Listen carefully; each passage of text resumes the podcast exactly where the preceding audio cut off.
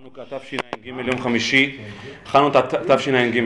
אני רוצה, אני רוצה לקרוא כאן מאמר, מאמר חז"ל, זה מדרש, זה מדרש לא ידוע, זאת אומרת חלקו השני הרבה יותר ידוע.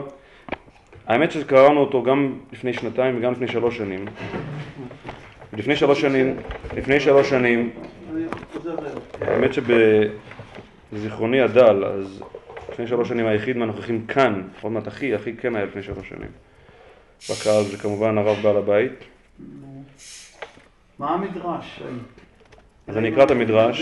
ודיברנו על זה, לא, לא, זה מדרש. זה מדרש, זה מדרש פליאה, ממש מדרש פליאה. מה זה כן. פליאה? לפני-. מדרש פליאה כונה מדרש עם חידתי. חלום משהו. נכון מאוד. איך אני? נכון מאוד, פתאום איזה נס לפני שהתחלת. נכון מאוד. אז נזכרתי. הערה. על הפסוק, על? הפסוק, ראית מה זה? ראית מה זה שלוש שנים? על הפסוק בירמיהו. זה בירמיהו. כה אמר השם צבאות, עשוקים בני יהודה ובני ישראל. וכתיב גואלם חזק השם צבאות שמו ריב יריב את ריבם. למען ארגיע את הארץ והרגיז ליושבי בבל. זה לשון, עד כאן לשון הפסוק בירמיהו.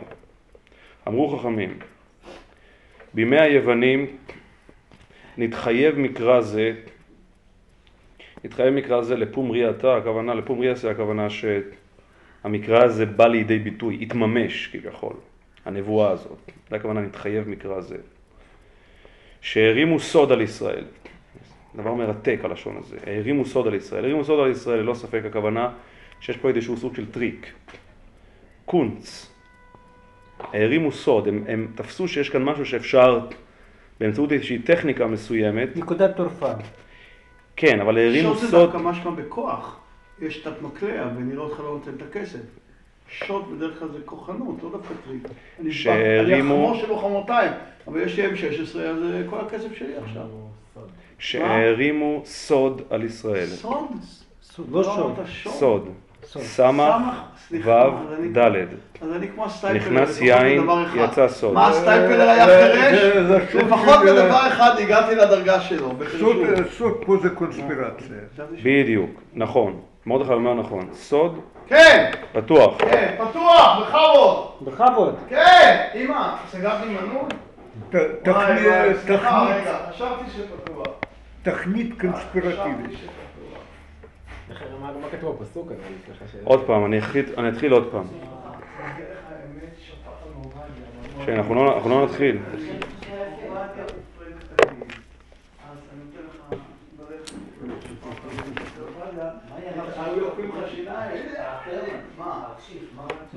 תהילים ועל עמך י- וזה בית חשב. זה בית חב"ד. זה נקרא בית חב"ד. זאת אומרת, יש לך איזה בעיה, אני אומר לך דבר מלכות. לך הביתה. לא להפריע יותר, הרב לא להפריע. מילא, מילא עליו אין לי טענות, כי הוא לא יודע שאנחנו באמצע. אוקיי. אז מרשה לעצמו להעיר הערות ולשאול שאלות. אבל אתה יודע שאנחנו באמצע, אז מה התירוץ שלך? אמרו בימי, אני אקרא אותם את הפסוק, לבקשת הקהל. כה אמר השם צבאות, עשוקים בני יהודה ובני ישראל. וכתיב גואלם חזק השם צבאות שמו, ריב יריב את ריבם. ריב יריב את ריבם. למען הרגיע את הארץ והרגיז ליושבי בבל. זה לשון הפסוק בירמיהו. אמרו, אמרו חכמים, בימי היוונים נתחייב מקרא זה, היינו המקרא הזה בא לידי מימוש, התממש, הת- התגשם. הנבואה הזאת, שהערימו סוד על ישראל. הערימו סוד, אמר מרדכי נכון, יש כאן מוטיב קונספירטיבי, יש כאן קונספירציה. טריק, תעלול. אמרו, בואו ונחדש עליהם גזרות עד שיבעטו באלוהיהם ויאמינו בעבודה זרה שלנו.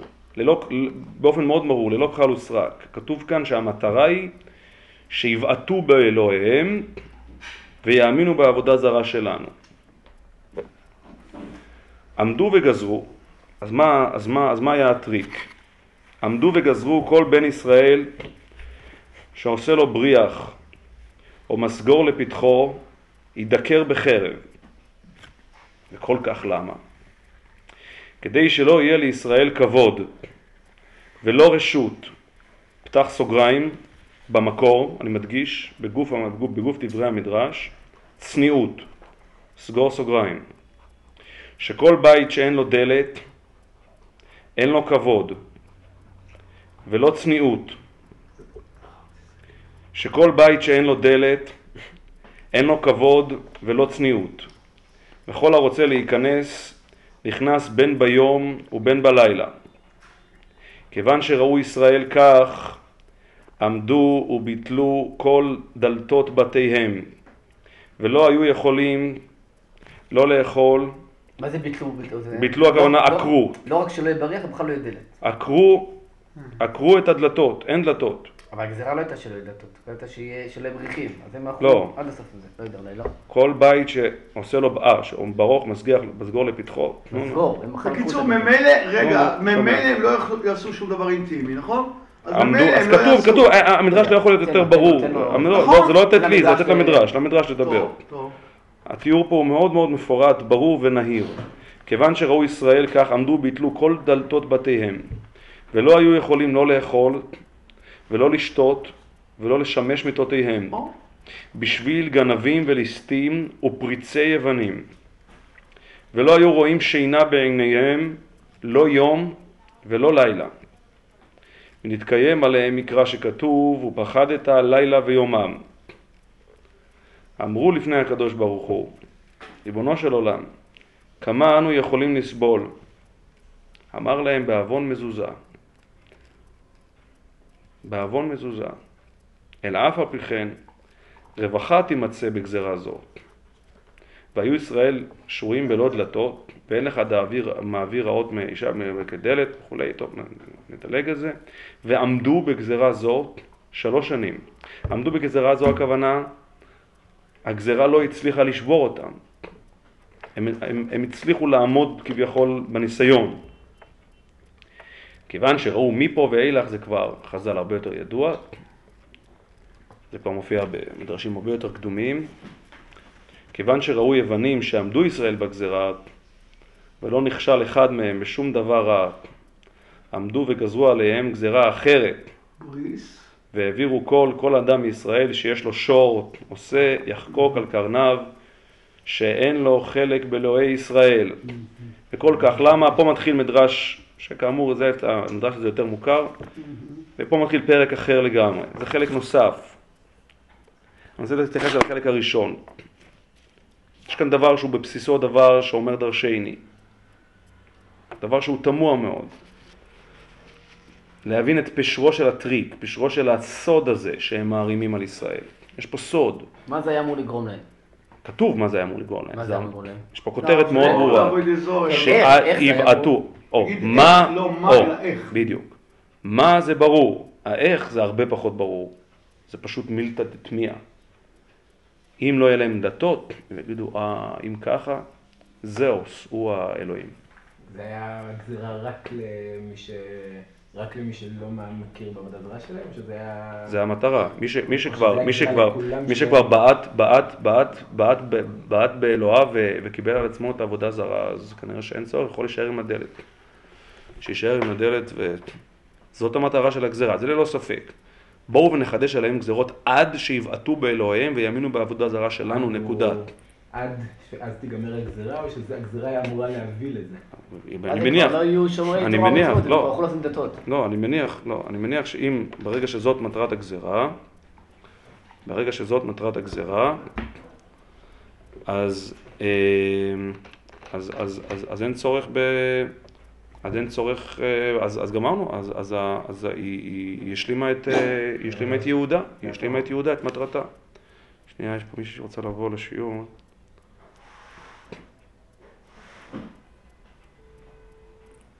תתנו משהו למוישה. זה ביתי? מה? זה ביתי? זה טעים איזה בסיפור מילה? אתמול. ביתי, ביתי. כן. מה, מה, מה? לא, שיף, עד הדלת האחרונה, עד. הסוף. אה? ביתי מביתי. אה. קומה האחרונה. טעמתי את זה אתמול. בסדר. אתמול? אתמול, אתמול גם ביקרתי כאן. מה טוב, אז הדבר הזה. אז הדבר הזה הוא אומר דרשני. טוב, אז אני רוצה לומר משהו. אני רוצה לומר משהו. דיברנו על כך גם בשנים עברו, שישנו בלבול גדול טשטוש ובלבול, בלבול מושגי פשוט, כאילו לא, לא צריך להיות אה, מלומד, משכיל, ודאי לא היסטוריון גדול, בשביל להבין, להבין את, את, את, או תפתח לה. מה שהיא תעשה זה שם. זה לא, תתקדם, תשמע שם. או. שזה, זה,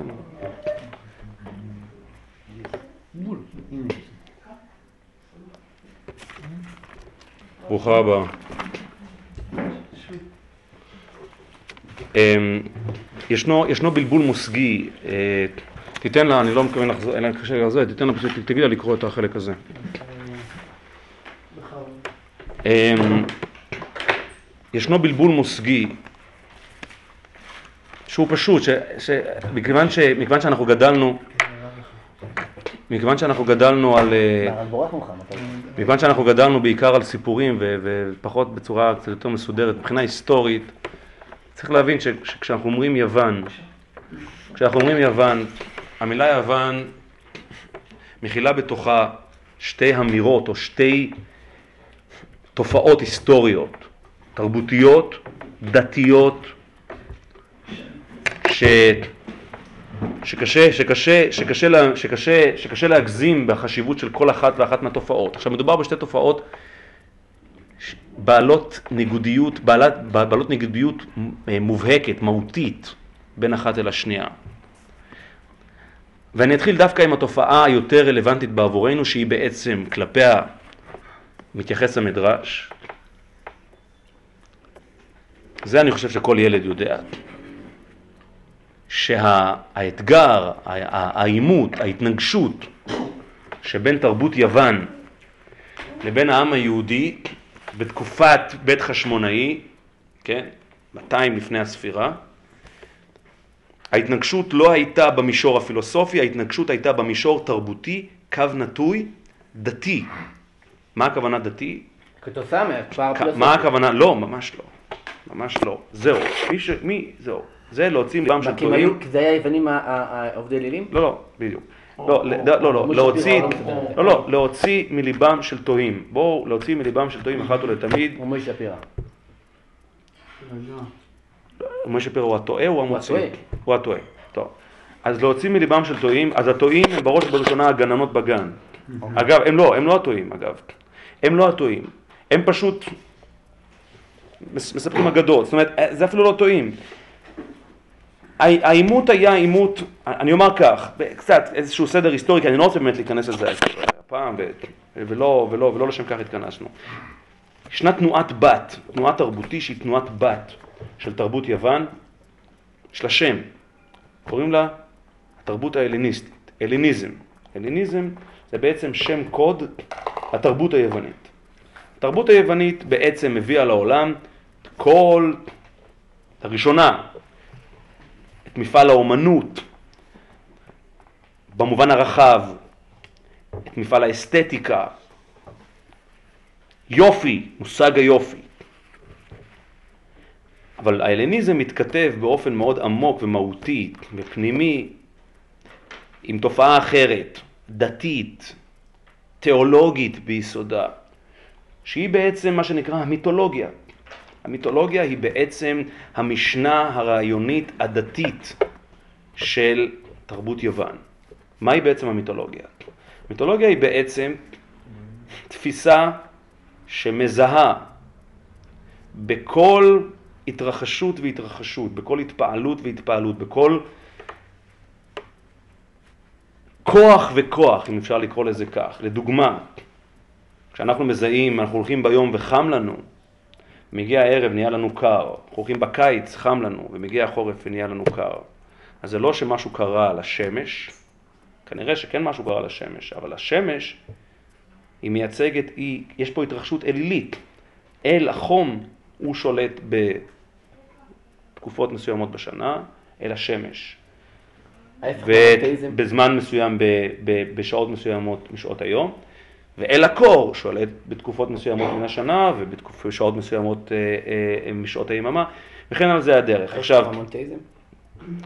זה האנטיתזה המוחלטת למונותאיזם, נכון. זה הפוליתאיזם בהתגלמות. קרי, לקחת ולזהות את כל, סך כל ההתרחשות הטבעית סך כל ההתרחשות הטבעית,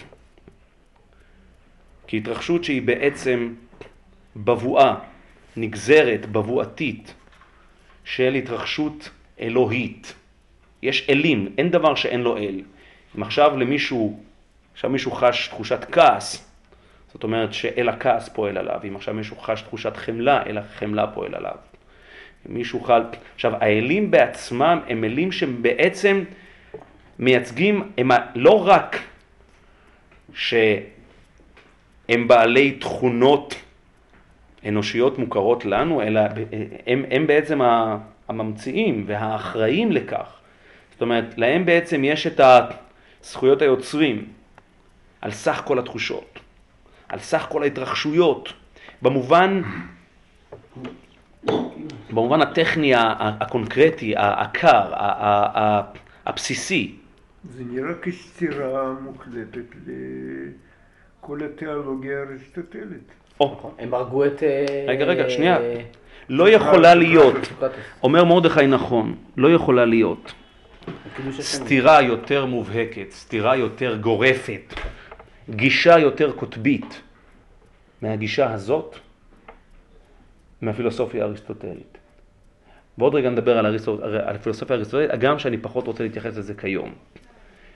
כי התייחסתי לזה בשנים עברו ובהזדמנויות אחרות, אבל כי מה, כי מה שאני... נראה אפילו כרגרסיה נכון, מהתקופת אלכסנדר. נכון, נכון. אני אומר כך, זה משהו שדווקא עסקתי בו השבוע באיזושהי הזדמנות אחרת, אבל מרדכי אומר פה אמירה מאוד חשובה. ומרדכי אומר שאם אנחנו חושבים שהגישה המתנגדת, הסותרת, הקוטבית אל הגישה הזאת, הקוטבית ביותר, חשובה מאוד המילה ביותר, היא הגישה היהודית, האמונה היהודית, אז זו טעות. הגישה היותר קוטבית זאת דווקא תנועה שמתפתחת באותה תקופה בעצמה. אריסטו הוא באותה תקופה בעצמה, אריסטו הוא משהו כמו 300 לפני הספירה. באותה תקופה בעצמה מתפתחת תנועת, תנועה אוונגרדית, כן? תנועת שוליים, של אליטה מחשבתית, אליטה השכלתית, שמתחילה בעצם, היא מתחילה מלמטה, היא בעצם מתחילה בעצם לפתח את מה שנקרא מדע, מה שנקרא חוכמה. היא מתחילה לפתח את מה שנקרא חוקה, את מה שנקרא מדינה, את מה שנקרא פוליטיקה. היא בעצם לראשונה באופן מתודולוגי, כן? התרבות האנושית היה בה הרבה ידע, גם בתקופה האשורית וגם בתקופה הבבלית, וגם, ובוודאי אפילו בתקופה המצרית, אבל ידע מתודולוגי דידקטי, לא היה קיים בעולם. מוסדות לימוד, צורה, צורות, גישות, מתודולוגיות, אקדמיה, אקדמיה נכון, מושג האקדמיה, המושג של תפיסת החוכמה באופן מתודולוגי ודיד, ודידקטי. זה דבר שלא היה קיים בעולם. זאת המצאה יוונית קלאסית. אולי עוד נקודה, אולי עוד נקודה, שכל העניין של חוכמה לפני האקדמיה, זה היה עניין של האליטות. אז אה, של כהנים, כהני דת. זה קצת קשה, מכיוון שגם התקופה היוונית. דרך אגב, נכון. גם אצלנו, שבט יששכר. הם היו נכון, נכון, בכלל, לא, זה, זאת, מרדכי, זאת, זאת, מרדכי, זאת, מרדכי, זאת, זאת קצת בעיה, מכיוון ש... מכיוון ש... מכיוון שהחוכמה היוונית התפתחה גם היא ברובד אליטיסטי. עוד רגע אנחנו נדבר דווקא, אנחנו דווקא רוצים להגיע לאספקט ההיסטורי, אבל זה קצת, קצת זאת אומרת, באיזשהו פנתיאון אה, אליטיסטי של, של, של, של, של הפילוסופים היוונים, של אוהבי החוכמה היווניים. אבל המעבר מידע למדע, הטרנספורמציה שעברה החוכמה האנושית מידע למדע, זאת טרנספורמציה משמעותית מאוד, דרמטית מאוד, מכוננת בתולדות ימי העולם, בתולדות ימי האנושות. עכשיו הפילוסופיה הזו בעצם התאמתה, ואני אומר, ואני, וזה חשוב לי להדגיש, האופן שבו הפילוסופיה היוונית התאמתה ומתנגשת ונוגדת במהותה, בהגדרתה הרעיונית, את המיתולוגיה היוונית היא לאין ארוך מהאופן שבו האמונה היהודית נוגדת. האלוהים האריסטוטלי, אם אני לרגע הולך אל, ה, הגישה היותר קוטבית, שנמצאת בצד השני של הסקאלה. שנמצאת בצד השני של לגמרי של הסקאלה, מדובר באלוהים שהוא, מה שנקרא אצל אריסטו סיבה ראשונית, אין לו שום שיג ושיח כלשהו עם העולם, העולם הוא אינדיפרנטי, אדיש לחלוטין אל האלוהים האריסטוטלי. אריסטו בא ואמר, לאור העובדה שאנחנו מצליחים לפתח אה, תיאוריות שיסבירו לנו למעשה את כל ההתרחשויות הפנימיות שמתרחשות בעולם, החל מההתרחשויות הפיזיקליות, כלה בהתרחשויות, עובר דרך ההתרחשויות האסטרונומיות, כימיקליות, ההתרחשויות בגוף האדם, בנפש האדם, פסיכולוגיה, אה, פילוסופ... אה, אה, עוד לפני הפילוסופיה, פיזיקה, אסטרונומיה, מוזיקה, יש כאן מוזיקאים בקהל. הכל מתחיל ומגיע משם, מבית המדרש הפילוסופי של יוון, בסופו של דבר אי אפשר, אי אפשר כיום ללמוד, אני מתקשה לחשוב על איזשהו מדע, על איזושהי דיסציפלינה מדעית. אל תפליג בשבח המדע שלהם. אי אפשר בסופו של דבר, ואני אחזור, אי אפשר לבוא במגע עם איזושהי דיסציפלינה מדעית מבלי להזדקק ולהתכתב עם היסודות שהונחו על ידי היוונים. נקודה. על ידי הפילוסופיה כן. היוונית. בוודאי. אקסיומה. זה נכון, משפט העובדה, אקסיומה הוכחה. בוודאי. כל המושג של הוכחה. ולא דיברנו, ולא דיברנו. ולא דיברנו, הם לא- ולא הם דיברנו לא על, ולא דיברנו על, ולא דיברנו על, ולא דיברנו, על. ולא דיברנו על אה, מתמטיקה. הוכחה מדעית. ולא דיברנו על מתמטיקה שהיא בעצם בסופו של דבר האינסטרומנט, הכלי, האמצעי המדעי הכי בסיסי למדידה, הכי בסיסי לבחינה. אי אפשר ללמוד פיזיקה אם אין לך ידע. לא. זה דווקא יוונים. את הגיאומטריה והמתמטיקה זה המד- המדעים שהיוונים הכי פיתחו, אבל מצד שני את הניסויים... את פיתגורס לומדים היום עוד. לא, בכיתה א', אז- אבל, אני אומר שאת הכלים של הבחינה של המדע זה גרמנים לא בכלל עורכים את זה לגמרי. הם לא, לא, מה זה לא? היה, זה לא היה לא, לפי אה, התנסות. לא, לא, לא, לא, לא, לא, לא, מושג, לא, לא, כל- לא, לא, לא, כל צורות החישוב והמדידה מגיעים מיוון, רבותיי, אין מה פה, פירוש, מה, לא הבנתי, שהם ישבו ואמרו שהירח כמו שהרמב"ם כותב, הוא איזה, יש אה, תיאוריה, לו לחשוב ככה, שהירח הוא... אני אמרתי, לא, לא, שנייה. שנייה, רגע, רגע, שנייה. לא אחוז מאוד משמעותי, בואו בוא נעשה סדר, אחוז מאוד משמעותי, אני ממש לא רוצה להיכנס לפינה הזו, אנחנו סתם מבזבזים זמן על זה, אבל בסדר, אם אנחנו כבר זה. אנחנו, רגע, אחוז מאוד משמעותי, בעיקר, אני מסכים איתך, בתחום, בתחום הפיזיקה, אה, נזרק לפח, האשפה של ההיסטוריה, וטוב שכך. אה, של ו- אריסטו, פיזיקה של אריסטו זה ו- קטסטרופה. וניוטון, וניוטון, בעיקר ניוטון, אבל הרבה, או גם עוד לפני ניוטון. אה, קפלר, למשל, באסטרונומיה,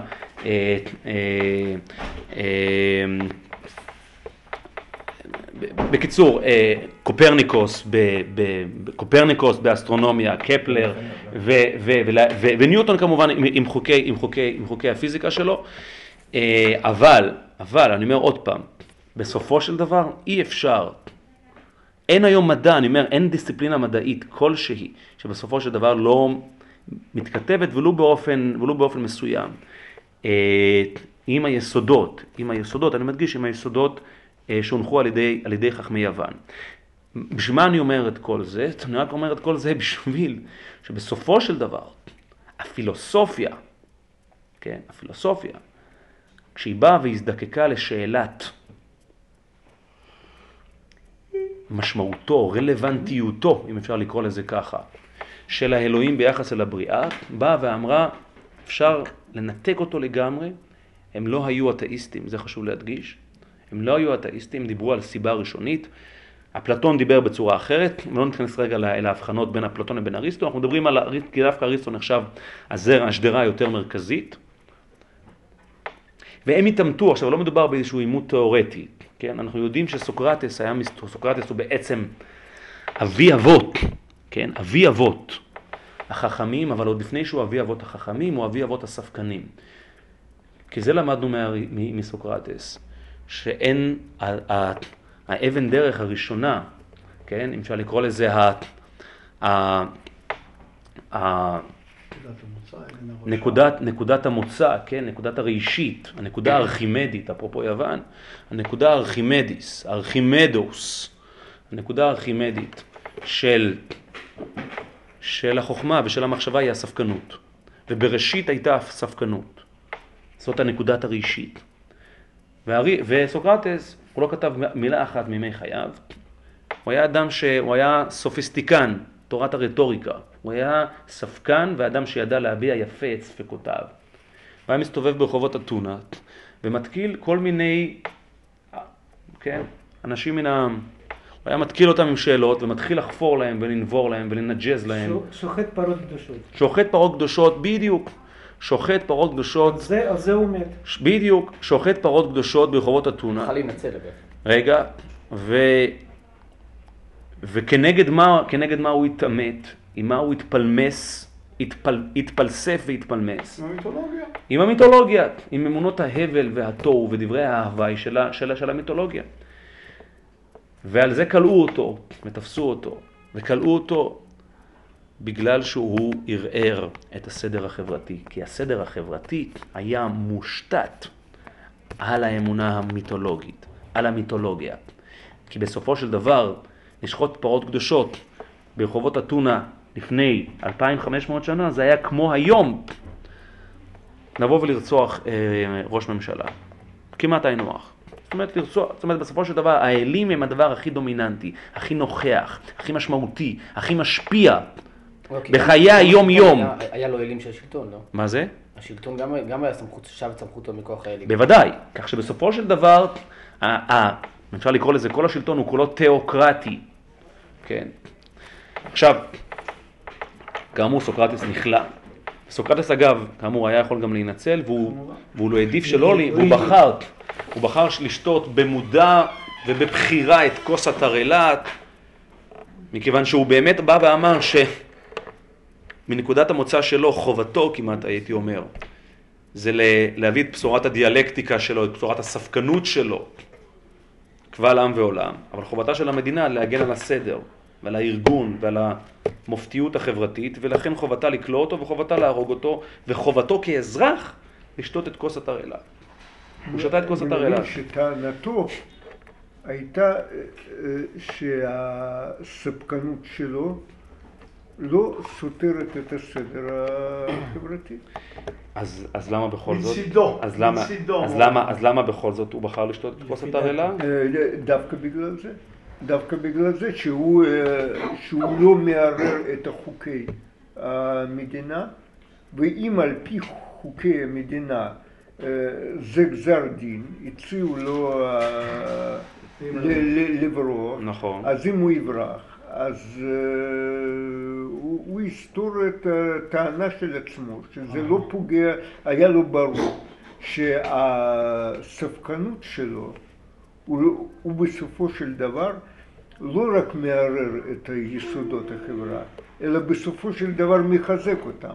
זאת אומרת, אין לי לשמור זאת, נכון. שלדים בארון. ובכל זאת, ובכל זאת, ובכל זאת, הוא בחר לשתות את כוס התרעלה, כל- באשר, באשר הסדר החברתי מחייב שאם המדינה גוזרת, זה, זה לא כזה מדויק, אני חושב שהוא בסופו של דבר כן היה, כן קיבל את זה שחובת חובת המדינה במצב הדברים הנוכחי, אה, אה, אה, אה, אין לו, הוא, הוא, הוא, הוא, יש, עליו, יש עליו גזר דין מוות.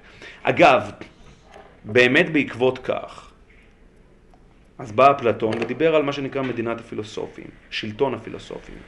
להפקיע, המושג דמוקרטיה כמובן מושג יווני, בדרכם החיננית או הפחות חיננית שלהם, אבל כל המושג דמוקרטיה וכל המושג שלטון העם הוא מושג יווני, כאמור בוודאי שזה פשיטה שעד לתקופה היוונית המונרכיה הייתה צורת השלטון היחידה המוכרת והלגיטימית, גם לאחריהם, אבל.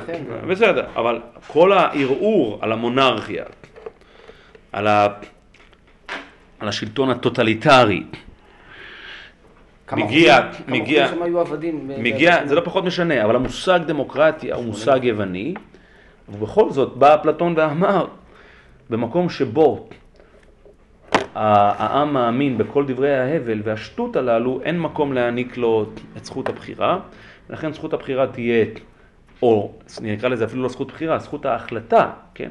בסופו של דבר תהיה, יהיה גוף שלטוני עצמאי, אוטונומי, שהוא בסופו של דבר מי, מי, יהיו, ה- מי יהיו השולטים?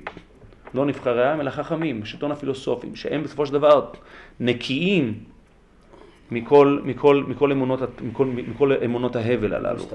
בכל מקרה. עכשיו זה דבר מרתק, זה דבר מרתק. הדבר המרתק הוא שהיהדות, אם לרגע אנחנו חוזרים, אם לרגע אנחנו חוזרים אל, אל מה שאנחנו, מה, שראה, מה שאנחנו עוסקים בו בימים אלו, נס חנוכה, העימות, העימות כנגד היווניות שאיימה על העם היהודי. באותה תקופה היה לגמרי, אם אני אקרא לזה, אם אני אזהה את זה על סקאלה, מצד ימין, מצד ימין של הסקאלה, היינו, המיתולוגיה היוונ- היוונית עם, עם אמונות ההבל שלה איימה, עם אמונות, הפג, עם אמונת הפגניות שלה, עם האמונה הפוליטאיסטית, כן, ריבוי האלים שלה. היא איימה, אבל היא איימה מהמקום היותר תרבותי, זאת אומרת, הייתה התפשטות תרבותית עצומה, לאו דווקא בארץ ישראל ולאו דווקא בקרב האומה היהודית, אלא בקרב כל העמים ובקרב כל המדינות באגן הים התיכון. ים האיגאי. הים האיגאי, נכון, הים האיגאי והים התיכון. וכמובן היה במצרים, באלכסנדריה, שהפכה להיות מרכז, מרכז כובד תרבותי, שאגב היווניות שם פשטה בקרב, בקרב היהודים. שם בעצם היו, היו יותר תושבים היו יוונים. שם, קודם כל מרכז, המרכז היהודי הגדול בעולם מאותה תקופה לא היה בירושלים ולא היה בגליל, אלא היה באלכסנדריה. כמעט סדר גודל של שני מיליון יהודים ישבו באלכסנדריה, רובם ככולם התייוונו אליניסטים. אליניסטים, קילון קצת אחרי. אה, בדיוק. עכשיו אליניסטים זה לא בהכרח אומר, אליניסטים, כמובן, לא? אלכסנדרוני. רגע, קצת אחרי זה, הוא 300 לא, לא, 400 שנה לא, אחרי. שנייה, זה, רגע, רגע. רגע, רגע. היווניות, 300 שנה אחרי. כשאנחנו אומרים שהיהודים התייוונו, זה לא בהכרח אומר, זה לא בהכרח אומר, זה לא בהכרח אומר, זה לא בהכרח אומר שהם התחילו לסגוד, ל... ל... שכל אחד היה לו, היה לו, היה לו איזה אל קטן בסלון או, ב... או, ב... או במטבח או בחדר השינה. ממש ממש לא. כשאנחנו אומרים יהודים התייוונו זה היה בר... בר... ברמות מרמות שונות. זאת אומרת, זה הייתה תנועת רוויזיה, תנועה של התחדשות תרבותית, מודרנה, אם אפשר לקרוא לזה ככה. היה לזה מישור מודרני. והיהודים קיבלו על עצמם הרבה מאוד קודים תרבותיים, אנתרופולוגיים, התנהגותיים, שבאו מבית המדרש של יוון. היו כמובן שלקחו את זה, עשו את כל הדרך. הניסיון כאן ללא ספק, היה ניסיון לעשות את כל הדרך. ניסיון מצד היווניים לבוא לא רק מתוך השפעה תרבותית לגיטימית, אלא באמצע, כמעט, כן, באמצעות, באמצעים של כפייה או באמצעים אה, אגרסיביים יותר, בוטים יותר, אקטיביים יותר, בכדי לבוא ולהגיע למצב שהאלים, נוכחותם של האלים בקרב העם היהודי תהיה נוכחת באופן בלעדי. ולסלק, כמו שכתוב פה, ויבעטו באלוהיהם ויקבלו על עצמם עבודה זרה שלנו. עכשיו זאת התנגדות מצד אחד. כנגד ההתנגדות הזו, ההתנגדות הזו אגב הפכה להיות כמעט בלתי רלוונטית מספר מאות שנים ספורות לאחר מכן. לאחר שהרומאים כבשו את היוונים, והיוונים, היוונים, הרומאים הביאו את ההבלים של, את ההבלים של, לא, הרומאים בהתחלה הביאו את ההבלים שלהם משל עצמם, ואת מה שנשאר, מה שנשאר מהיווניות זה דווקא היסוד ההלניסטי, קרי היסוד התרבותי. ה- יוון בעצם אומצה, הייתי קורא לזה נספגה, בתוך, בתוך תרבות רומי, חז"ל אומרים את זה במפורש. בתוך תרבות רומי, חז"ל נכון. וחושך על פני תהום. נכון, אז בהתחלה תוהו ובוהו, מדי פרס בחושך יוון שהחשיכה על פני תהום. זה לא עוד דבר לכאורה, זה מצב שהחושך ברומי על פני ו... תהום. איך אתה מסביר אלכסנדר? ולא, מקדון הוא היה. בעצם תלמידו של. הוא, אז איך זה שהתגלגל המלכות היוון, יוונים שהיו, עמדו על היהודים, שהם בעצם חזרו ל- לאלילות, והרי אלכסנדר מקדון היה איש אה, משכיל, הוא היה... הוא היה תלמידו של אריסטו. ה- ה- הנושא, או, אז הנושא הוא כזה, בכלל, אם אנחנו, ולא ה- ה- הייתה, הייתה אליטה, אליטה שכן, אלכסנדר, אתה אמרת אלכסנדר מוקדון, אז אלכסנדר מוקדון, אה, שאגב היה יוצא דופן, היה מאוד יוצא דופן. אלה שבאו אחריו היו במקום אחר לגמרי. הייתה, אבל בסופו של דבר, מין סוג של הסכמה שבשתיקה, שבאמת סוקרטס מהבחינה הזאת ערער אותה. הסכמה שבשתיקה אלה האמונות הללו, ואני אומר, בסופו של דבר, האמונות הללו, האמונות הללו, מי שקצת בא במגע עם אמצעים ארכיאולוגיים הליניסטיים, יודע שהאלילות נמצאת שם בכל צעד ושעל. זאת אומרת, אי אפשר כיום בכל מטבע, בכל תכשיט, בכל תכשיט, לא, בכל כלי, בוודאי, בוודאי, מדובר לא- באותה הם- תקופה. אז הם לא שרפו את כל האלילים? אז אני אומר, הייתה, היו שני, נקרא לזה שתי תנועות מקבילות, שתי תנועות מקבילות, ש... הנה, נתתי דוגמה, אריסטו עלה על המוקד, אריסטו שתה את כוס התרעלה, זאת אומרת, היו, היו נקודות, סוק- סליחה, סוקרטס. סוקרטס, אה, היו- אה, ארי- אריסטו ברח. וגם אריסטו ברח. נהרג, אה, נכון. נהרג אה, אה. אלכסנדר. אלכסנדר, אז הוא ברח, נכון. נכון. היו, היו נקודות של, אני אומר, בסופו של דבר היו צמתים שבהם המ- המקבילות הזו הגיעה לכלל התנגשות, והתנגשות קשה. אבל בסופו של דבר הם כן, ה- ה- הם כן חיו ב, ב, ב, באותה אטמוספירה, באותה, באותה תרבות, באותה מדינה, באותו לאום. אבל מבחינה רעיונית, וזה זה מה שחשוב, אני כרגע פחות נכנס על ההקשר ההיסטורי, אני רוצה לדבר על ההקשר הרעיוני. מבחינה רעיונית, דתית, פילוסופית, תיאולוגית, מדובר בשתי גישות קוטביות שאי אפשר לזהות יותר קוטביות מהן. אם אני חוזר לרגע ליהדות, אז היהדות התעמתה עם המיתולוגיה. המיתולוגיה הזו הגיעה לקיצה לגמרי, על כל גרסאותיה. אתם יודעים מתי? נצרות. בנצרות, יפה מאוד, בשנת בערך 300 לספירה, שזה סדר גודל, אם אני לוקח 600-700 שנה מאריסטו, התנועה ההליניסטית הגיעה לשיאה ב-100 לפני הספירה, רומי כובשת אותה ב-50 לפני הספירה, לערך רומי נכנסת אל התמונה, רומי נכנסת אל התמונה עם כל המטען התרבותי שלה, נותנת את הגרסה שלה אל ההל- ההלניזם עוד בא לידי ביטוי, התרבות, המיתולוגיה היוונית, האלים היוונים, זהו, קברו אותם וזהו, לא נשאר, ונשארים בין הדפים המצהיבים של הומרוס, כן? זה נשאר בשירה, זה נשאר בפרוזה, זה נשאר בספרות. מזה לא נשאר מאום. מה, מה, מהמיתולוגיה כמיתולוגיה, כתפיסה דתית, לא נשאר ממנה מאום. רומא עושה את מה שהיא עושה, את הטרנספורמציה שלה. את הטרנספורמציה שלה, וב-300 לספירה כל זה מגיע אל קיצו. וכאן בהקשר הזה, הנצרות עושה את העבודת ה... באמת, הרמב"ם גם אה, כותב על כך בצורה מסוימת. הנצרות מהבחינה הזאת עושה את עבודת השירות הטובה ביותר שניתן לעשות בעבור מי? בעבור היהדות. המונותאיזם בעצם, המונותאיזם שבא בגרסתו הנוצרית, שבעצם הכנסייה הופכת להיות ממשיכתה של רומי, ממשיכתו של רומי. אין יותר רומי, אמור מעתה כנסייה, אמור מעתה ותיקן. הנצרות בעצם מנפה, הנצרות בעצם מנפה, מסננת את כל אמונות ההבל מהתרבות ומשאירה את מה שהיא אה, משאירה מהתרבות, גם, גם כנגד התרבות היא נלחמת, למי שיודע. אבל היא משאירה את התרבות והתרבות נשארת, התרבות עוברת. יוון נשארת כחוכמה, נשארת כמדע, בוודאי ובוודאי.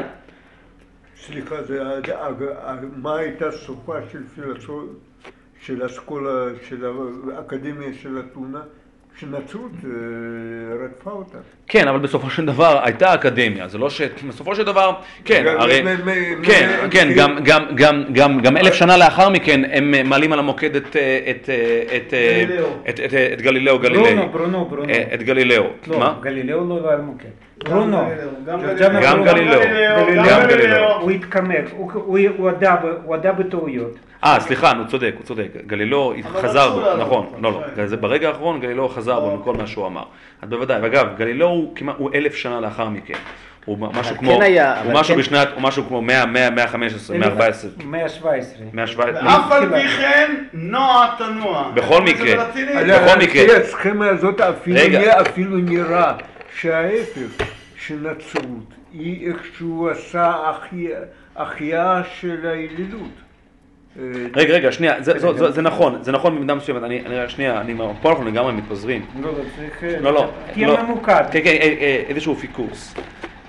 עכשיו, מזה לא נשאר כלום. תן לו פטיש. תן לו מה פטיש. שנשאר, כמו מה שנשאר, אם אנחנו רוצים, לש... אם אנחנו רוצים לראות מה נשאר בעימות ההיסטורי הגדול שבין היהדות לבין היווניות, אז אנחנו צריכים ללכת, אם אמרנו 300 לספירה, אנחנו צריכים לקפוץ עוד 400 שנה? סליחה, סליחה, עוד 800 שנה? לא 800, 600 שנה. עוד 600 שנה אנחנו מגיעים סדר גודל למאה ה-12. ובמאה ה-12 700 שנה, תצאו.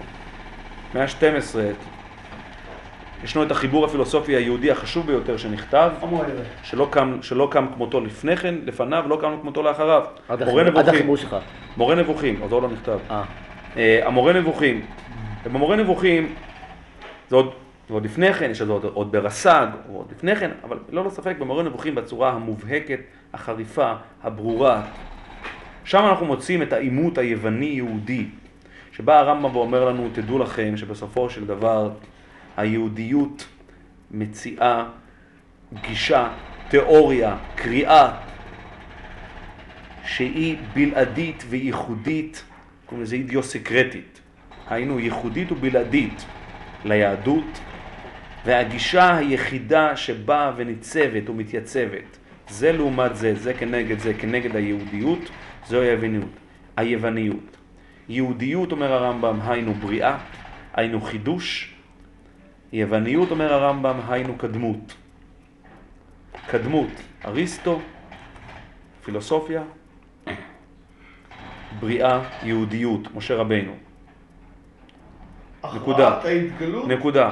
אפשר, העוטפת על החוכמה. אומר הרמב"ם, הכרעת ההתגלות. נכון, אומר הרמב"ם, או, וכאן אומר רב דוד משפט מאוד חשוב, מילת מפתח נוספת. ופה אני רוצה להגיע לנקודה שאני רוצה לדבר עליה. אוקיי, אבל המאבק היה בין האלילות ליהדות. נו, מה עכשיו? איך איך הגעת איך הגעת לרמב"ם?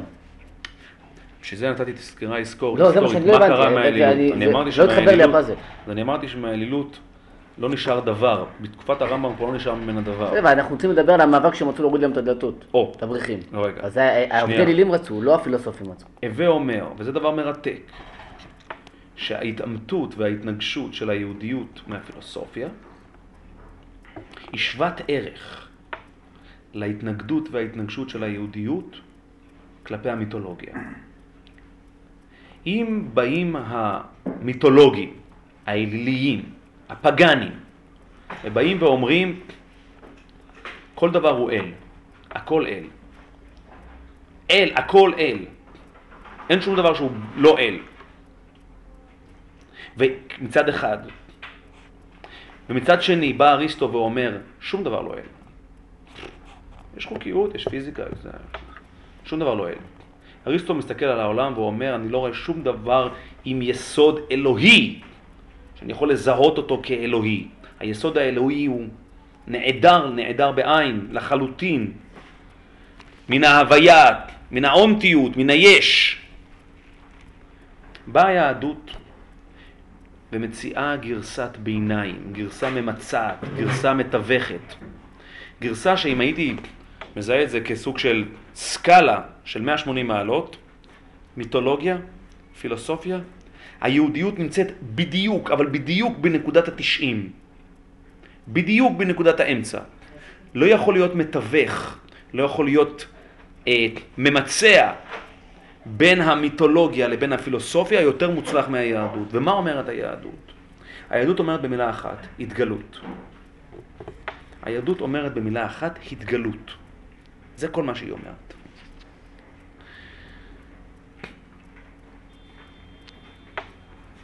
מה בעצם הסיפור של ההתגלות? ופה אני חייב לומר משהו.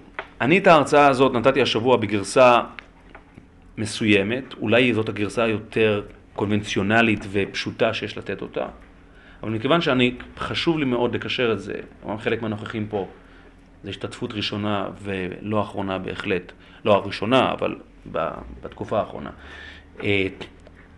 אז, אז אני, אני חשוב לי לקשר את זה למה שאנחנו, לסוגיה שאנחנו עוסקים בה ב- בחודשים האחרונים. אם אני לרגע, ופה אני חושב ש... זה משהו שאנחנו כבר עסקנו בו הרבה מאוד, בהרבה מאוד וריאציות. המצב האלילי, המצב הפגאני, או אם תמצאו לומר המצב הפרימיטיבי של האדם, האמת שאני חוזר בי, סליחה, המצב הפרימיטיבי, אני מסתפק במילה פרימיטיבי, את, ה, את המילה פגאני ואלילי אני מוחק ואני אתן לזה פרשנות אחרת. המצב הזה של האדם קודם גירושו, כשאנחנו מדברים על המצב של האדם קודם גירושו, כשאנחנו מדברים על המצב שבו, כשאנחנו מתארים בעצם, זה מה שאנחנו עוסקים בו ואני לא ארחיב כי אנחנו לא נפתח את כל מה שאנחנו עוסקים בו במשך חודשים כל כך ארוכים. המצב הגן עדני הזה, המצב הפרה-גירושי, הוא בעצם המצב שבו המציאות הזאת של מה שנקרא ארוס, ארוס הכוונה כוח החיים, יצר החיים, הוא למעשה מובנה וממוזג באופן הרמוני שאי אפשר בכלל להפריד אותו מהנוכחות האלוהית. האדם בעצם נמצא במקום שהטבע, דיברנו על כך גם בשבוע שעבר באיזשהו, באיזשהו אספקט, הטבע הוא אלוהים ואלוהים הוא הטבע, זה חד הם. שהקדוש ברוך הוא אומר לו, הקדוש ברוך הוא אומר לו לאדם, במובן מסוים זה גישה פנתאיסטית, כן, זה לא בדיוק שפינוז... פנתאיסטית. פנתאיזם זה בעצם התורה השפינוזיסטית. פנתאיזם הכוונה תורה שבעצם מזהה את האלוהות ואת הטבע באופן חד, אבל זה גישה קצת, זה קצת פשטני. שפינוזה. נכון, אני אמרתי שפינוזה, כן. אז מישהו כבר הקדים אותך בקהל ואמר שפינוזה. שפינוזה נתן לזה כבר את האינטרפרטציה שלו, אבל היוונים, מי שקצת מכיר ודאי תורת הסטואה, היה לזה עוד, עוד הרבה יותר קדום. בכל מקרה, שהקדוש ברוך הוא, ודיברנו על כך בהרבה מאוד הקשרים, אני רק את הפסוק המייצג. שהקדוש ברוך הוא אומר לו לאדם, ויצב, דיברנו על כך בשבוע שעבר. ויצב השם אלוהים על האדם.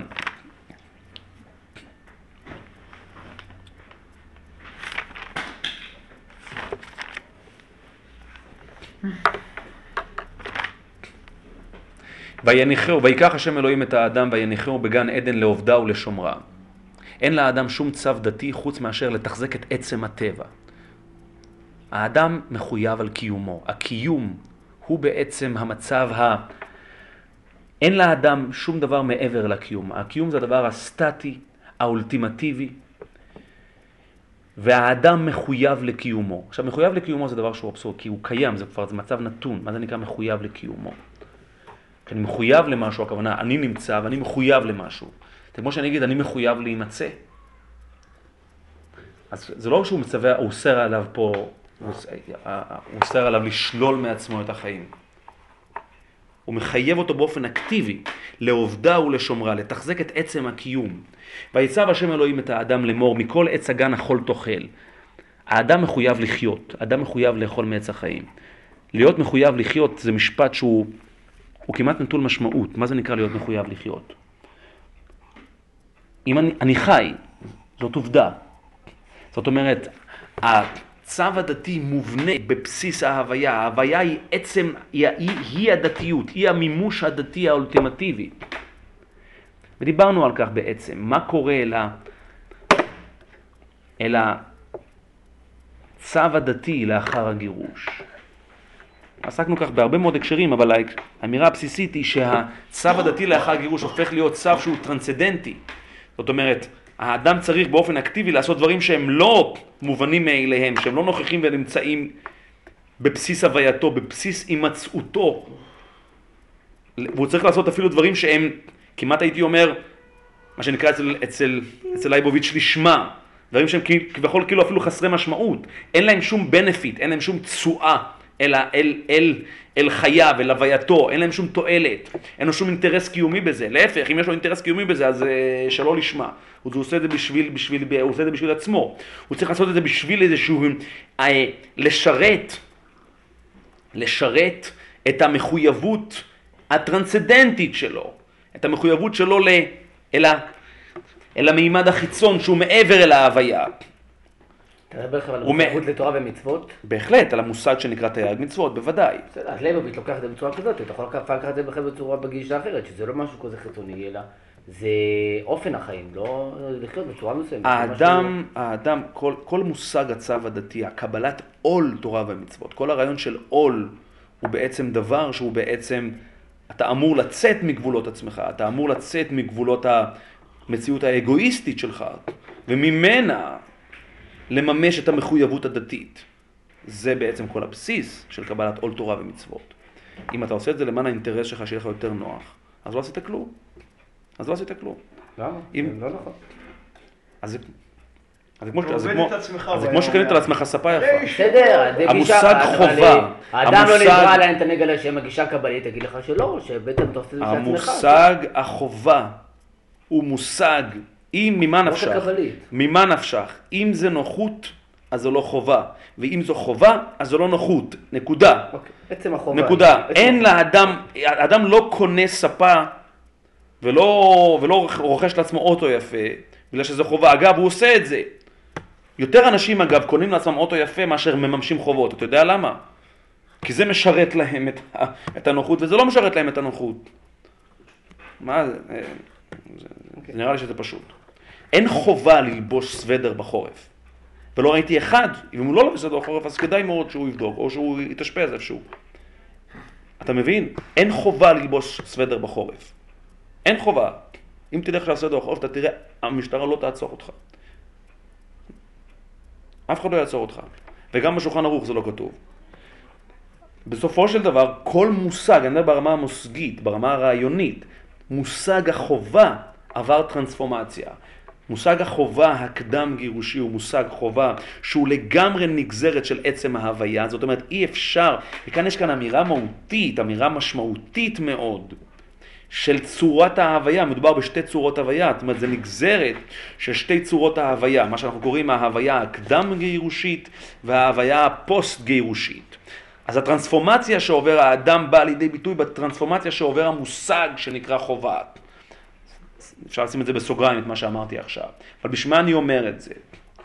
הסיפור של האדם, אנחנו תמיד אנחנו מדברים בהקשר האוניברסלי, בהקשר של הסיפור ההיסטורי, המטה-היסטורי של האנושות, שהאנושות הולכת מה, נקרא לזה אפילו מהמיתולוגיה למונותאיזם, כן? הסיפור ברמה האוניברסלית וברמה של העם היהודי כמובן. אנחנו מצביעים על כך לאורך בהרבה מאוד הקשרים והיגדים היסטוריים, וציוני דרך אה, היסטוריים, נקודות ציון. כאמור בהיסטוריה של העם היהודי ובמקרו, זה במיקרו-קוסמוס של ההיסטוריה של העם היהודי ובמקרו-קוסמוס בסיפור של האנושות כולה. למי, למי, למי יומה, הראשי, למי יומה הראשון כפי שבא לידי ביטוי בתורה עצמה. הסיפור של, ה, של האנושות במציאות הקדם גירושית, מציאות שבה האדם נמצא במקום שהוא כביכול כלוא, לכוד, בתוך ההרמוניה של הטבע, הוא לא מסוגל להתרומם ולו מטר אחד מחוץ אל ההוויה. לצאת חוצה, מחוץ להוויה. והוא חי חיים שלמים, הוויה שלמה. אין שום מידור, אין שום פרישות, אין שום ריחוק, אין שום התניה בינו לבין ההוויה. ובהתאם לכך, הוא מרגיש לגמרי כמובן בנוח לחיות באופן נטורליסטי. נטורליזם כבר אנחנו יודעים מה זה, נכון? לשון ניטרלי. נ- ניטרלי מלשון- natural. natural זה טבע, טבעי. ואנחנו יודעים מה זה נטורליזם היום. עירום, הוא חי בעירום. עירום היינו המיניות היא לגמרי, הוא ממוזג במיניות. מה זה המילה נודיזם בלעז, שזה מה שמצויר היום? זה אותו שורש? לא, אין לזה שום קשר. אז מה זה המילה נודיזם? נודיזם זה? באמת עירום. איך? אה, עירום מילולית. כן, אבל לא, אבל נטורליזם זה לא עירום, נטורליזם זה טבעי. נטורליסטי, זה natural, זה טבע. נקטר, זה מגיע מהמילה, כן? או שלא, או שכן, אוקיי. מה? דברים מחברים. מה זה? יודע, אני חושב שזה קשור, אבל אה, בכל מקרה, זה לא רוסו, רוסו קצת אה, קרוב. רוסו מדבר על זה, כן, אבל... בפילוסופיה היוונית גם הייתה תורה כזו שעסקה בשלמות הזאת, כן, תורת הסטוריה. בכל מקרה, אז במציאות הזאת, עכשיו כמובן אנחנו כולנו חכמים, כולנו יודעים את התורה ואנחנו יודעים שיש כאן שני צדדים של אותו מטבע ותמיד אנחנו מדברים על שני הצדדים הללו של אותו מטבע. זאת אומרת, הצד השלב, הצד המתוקן, הצד השלם כאילו של האדם במצב הנטורליסטי שלו, אבל מיני ובי המשמעות היא שהאדם נמצא במקום פרימיטיבי, במקום נחות, מבחינה שכלתנית. וזה אנחנו כמובן, ופה אני ממש חורג לגוף כל הקריאה השיטתית שלנו, אה, בסיפור הבריאה ובסיפור, ובסיפור הגירוש, בסיפור החטא והגירוש. אבל אם אני כן מרגע מתייחס אל המצב הזה, המצב הנטורליסטי מצד אחד, ופרימיטיבי כמובן מצד שני, ואי אפשר כמובן להפריד. המצב הפרימיטיבי הזה הוא בעצם מצב שבו האדם מושג האל המונותאיסטי. היינו, מושג האל הטרנסצדנטי, טרנסצדנטי היינו שהוא מחוץ להוויה, הוא לגמרי, לגמרי מן הנמנע בעבורו, אין לו שום דרך בעולם. מכיוון שאין מושג שנקרא טרנס- טרנסצדנטיות, אין טרנסצדנטיות. טרנסצדנטיות היא ממנו והלאה. האופן שבו זה בא לידי ביטוי בתורה זה דבר מרתק. התורה כאן כאילו מספרת פה את סיפור האדם. זה סיפור של האדם. זה סיפור מה שנקרא אנתרופולוגי. זה לא סיפור תיאולוגי. אבל הסיפור האנתרופולוגי הוא-הוא הסיפור התיאולוגי.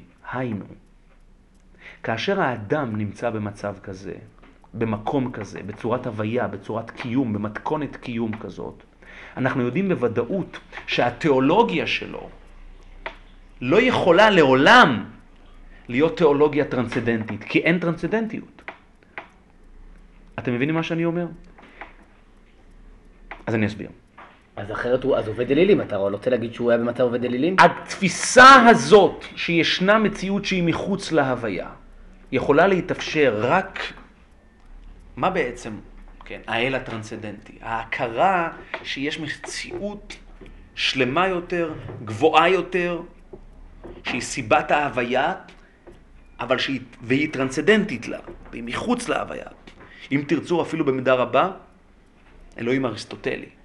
טרנסצדנטי לגמרי. טרנסצדנטיות הכוונה חוץ, חוציות, כן? יכולה כמובן להתאפשר רק עד כמה שהאדם תופס את הווייתו כלקויה, כחסרה. והוא שואף אל השלם, הוא שואף אל הגבוה, הוא שואף אל הטרנסצדנטי. דווקא, אפשרות. דווקא, או דווקא, אם שלם בפלטיזם כמו שפינוזה. רגע. דווקא, לא, דווקא, דווקא האימננטיות הזו, הפנימיות הזו, גוזרת בו תחושה של חסר, תחושה של ליקוי, תחושה של היעדר, משהו לא באמת שלם, משהו לא באמת מתוקן, רק עד כמה שהוא יצטרף אל המעבר, אל המעבר, אל המופשט. המופשט והלא מופשט, ודיברנו על כך בשיעור, הקדשנו כך שיעור שלם, אפרופו, אפרופו עירום, האדם נמצא במצב שהמופשט והקונקרטי חד הם, חד הם. אין טרנסצדנטיות, להפך, הוא נמצא בגן עדן. הגן עדן בעצם זה מקום שממזג לתוכו, באופן כאמור, הרמוני שאין יותר הרמוניה עימנו. את האימננטי והטרנסצדנטי, הטרנסצדנטי הוא אימננטי והאימננטי הוא טרנסצדנטי. אין טרנסצדנטיות, אין טרנסצדנטיות. אני מדגיש, הסיפור הוא אמנם סיפורו של האדם, אבל דרך סיפורו של האדם אנחנו למדים, או נקרא לזה כך, דרך הסיפור האנתרופולוגי אנחנו לומדים את הסיפור האפיסטמולוגי, או בעברית, דרך הסיפור האנושי אנחנו לומדים את הסיפור ההכרתי, את הכרת האדם, את יכולת הכרתו של האדם, ומהי בעצם ההכרה הנכונה, המכוונת, הראויה, אם ישנה כזאת. אז האדם במצב הזה הוא במצב שהוא במלכוד, אבל הוא במלכוד, הוא, בגן עדן של שוטים. לא כפרפרזה, הוא באמת בגן עדן של שוטים. כי גן עדן הוא מקום של שוטים. זאת אומרת, גן עדן הוא מקום שבו האדם, ההכרה שלו מעוגנת לגמרי בתוך ההוויה, הוא לא יכול להתרומם ממנה, מכיוון שאין להיכן להתרומם ממנה. נו, מה רע בזה? אני אמרתי שזה רע? אדם זה שטות. אתה, במקום המתפלסף שלך, במקום המתחכם שלך, זה נראה הגירוש, לך, הפוסט, הגירוש. גירושי. זה נראה לך. אתה מסתכל עליו מלמעלה למטה, הוא מסתכל עליך מלמעלה למטה. לא, אתה אמרת שזה מקום ששותים. אני לא חוזר בי. אבל זה מקום של שותים, השותים לא יודעים שהם שותים אגב.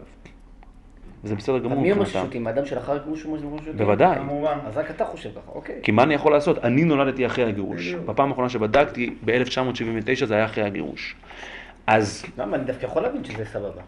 אני, אז למה אתה חושב? כן. מה? זה לא עניין של סבבה או לא סבבה, זה עניין של מצב? נתון. לא, זה לא עניין של, המבחן הוא לא מבחן הסבבה. זה לא, זה לא, זה לא אמת המידה. למה זה שותים? מה? למה? למה- זה שותים כי, כי מנקודת. כי מנקודת, כי מנקודת המוצא, מנקודת ההשקפה של האדם הפוסט גירושי, הנקודה הזאת היא נקודה מסרסת, מעקרת, והיא נקודה של מוות, וזה מה שאנחנו מדברים פה.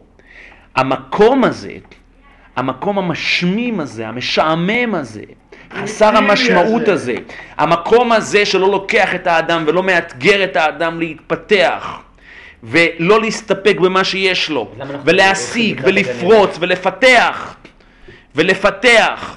חצי אובייקט. המקום הזה? והמקום המתסכל הזה, רק דקה, שאין אדם מת וחצי תאוותו בידו, של להשיג ולהתקדם ולחתור ולמרוד ולהסתפק, במובן של ספק, לא במובן של מספיק, כי זה פשוט דבר והיפוכו, שלא להסתפק במובן של מספיק.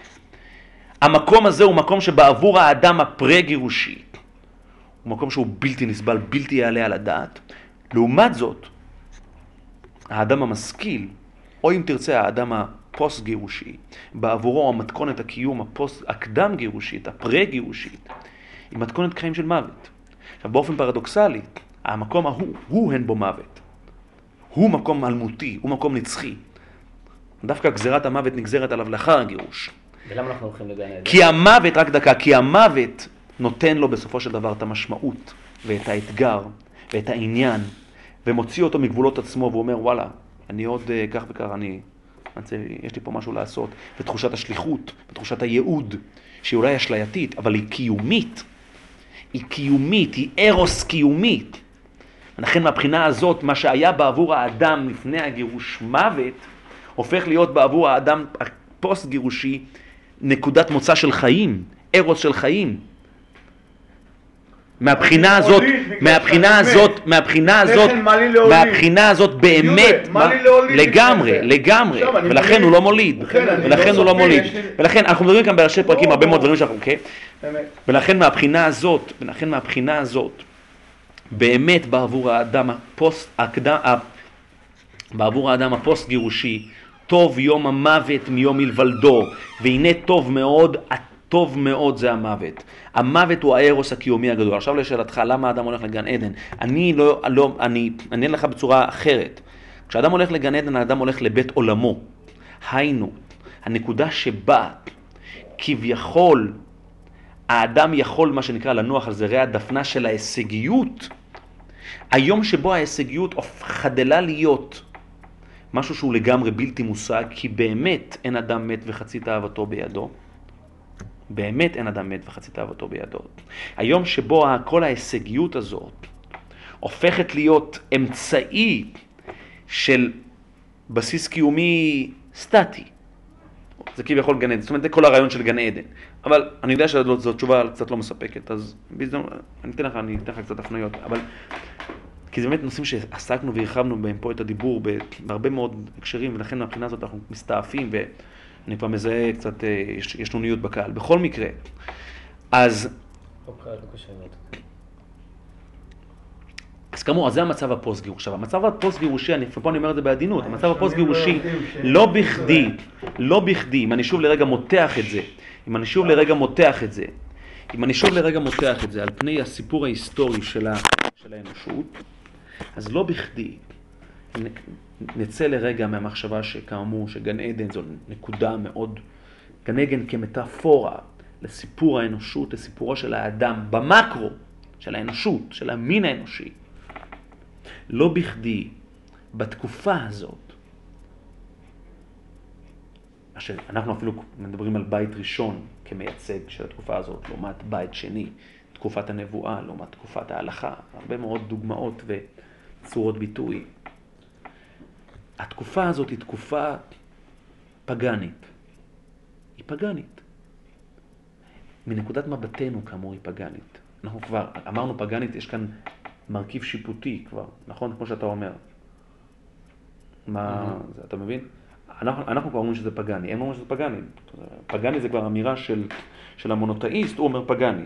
זה לאלילי או זה לא פגאני, זה אלוהים. האדם כעובד אלילים הוא אדם פוסט גירושי. זה פשוט. זה פשוט. האדם המונותאיסט, המונותאיסט, אתה, אתה אצל פרלמן. האדם המונותאיסט, המונותאיסט האולטימטיבי, זה הפילוסוף. זה הפילוסוף. זה לגמרי לקחת, לעשות מעשה ולהתרחק כרחוק מזרח ממערב במובן העמוק של המילה. מערב זה ספק, מזרח זה, זה, זה, זה, זה, לא סתם. לא, לא בכדי אגב, יוון מגיעה מהודו. כן? המזרחיות היא באמת הרבה יותר קרובה למקום ההוא, ולא בכדי המזרחיות עד עצם היום הזה, אני מדבר ארצות המזרח, משמרת בהרבה מאוד אופנים פרקטיים, פולחניים, את האלילות. והתנועה ממזרח אל המערב, לא סתם אמרתי, התנועה של האנושות היא מן המזרח אל המערב, היא תנועה מן, ה, מן האימננטיות הקיומית האלילית והפרימיטיבית אל הספקנות המערבית ולמודרנה ואל החידלון ולטרגדיה של המין האנושי, של הקיום האנושי, כפי שהוא בא לידי ביטוי בתצורתו המערבית, בעולם המערבי, של האדם המערבי. וגם זה סוג של כותרת. מתקשר טוב עם אה, מגדל בבל, שהם באו מקדם. אני דיברנו, נכון, דיברנו, נכון, תחנת ביניים, אנחנו מדברים על כך, דיברנו על כך, וייסעו מקדם, וייסעו מקדם, הנסיעה היא מקדם, נוסעים מן המזרח, הגירוש הוא גם, וכשהולכים מן המזרח, אלא אם כן שוברים ימינה לצפון ושמאלה לזה, אבל אם כשהולכים עם המזרח, ההפך ממזרח זה כמובן מערב, זה תנועה אמיתית, וזה כאמור נושא התייחסות ענפה בפני עצמה, אבל... רוב שהם אלה שהיו באפריקה, באוגנדה, נדמה לי שזה אברי גילת, הוא היה באפריקה, אז מספר שנו, אני לא תיארתי לעצמי עד איזו עוני, איזו... זה כבר לא עולם השלישי, זה עולם הרביעי. אבל מה? כולם מחייכים. כל הזמן מחייכים. בבקשה. אה, אה, אה, לענייננו, אנחנו כבר מתחילים באמת, אנחנו, לא נגיע לשום מקום. לענייננו, אז התנועה הזו מן המזרח אל המערב, כן, שהיא הסיפור גולת הכותרת, אם אפשר לקרוא לזה, של, ה, של האנושות בארבעת אלפים שנה האחרונות, היא בעצם תנועה של גירוש ותנועה של התנתקות. והתנועה הזאת, אריסטו בעצם התשובה החריפה ביותר הקוטבית ביותר אל הגירוש. ותמיד אנחנו מדברים על המעבר, המעבר הדיכוטומי, כן, המעבר ההפכי, כן, הקוטבי. אם אנחנו, המעבר מהמיתולוגיה אל הפילוסופיה, לזרוק לגמרי, פתאום האדם הופך להיות בעיני עצמו זה שיכול להסביר כל דבר, זה שיכול אה, לזהות את ההיגיון ואת החוקיות בכל מה שקורה סביבו מבלי שהוא נזקק לאיזושהי אלוהות, כוח גדול, מיתי, שמופעל בו, שמעניק לו כוח, מעניק לו משמעות. ואריסטו מסתדר בצורה מצוינת, וזה בעצם האריסטוטליות בבסיסה. באה היהדות והיהדות באה ואומרת, והיא אומרת דבר מופלא. היא באה ואומרת, אני חד משמעית מרוקנת את העולם מאלוהים.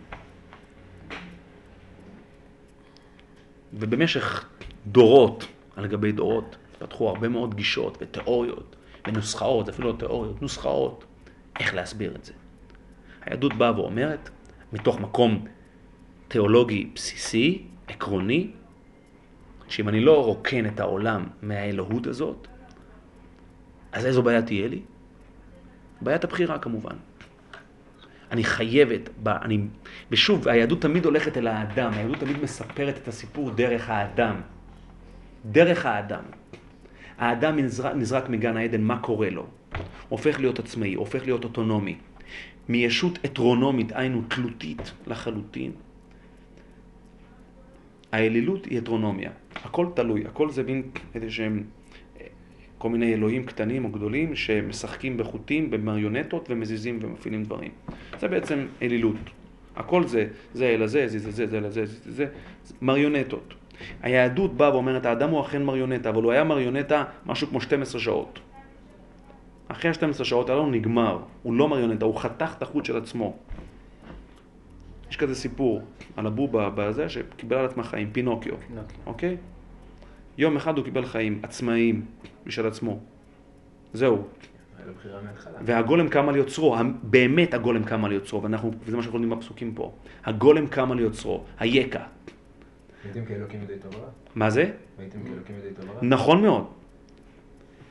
וייתם כאלוהים יודעי טוב ורע, עצמאות, אוטונומיה.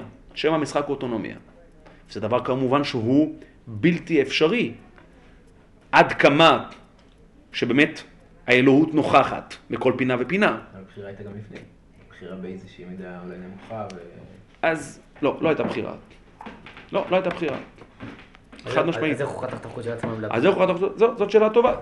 זאת שאלה טובה, אבל לא הייתה בחירה. כן, בוודאות לא הייתה בחירה.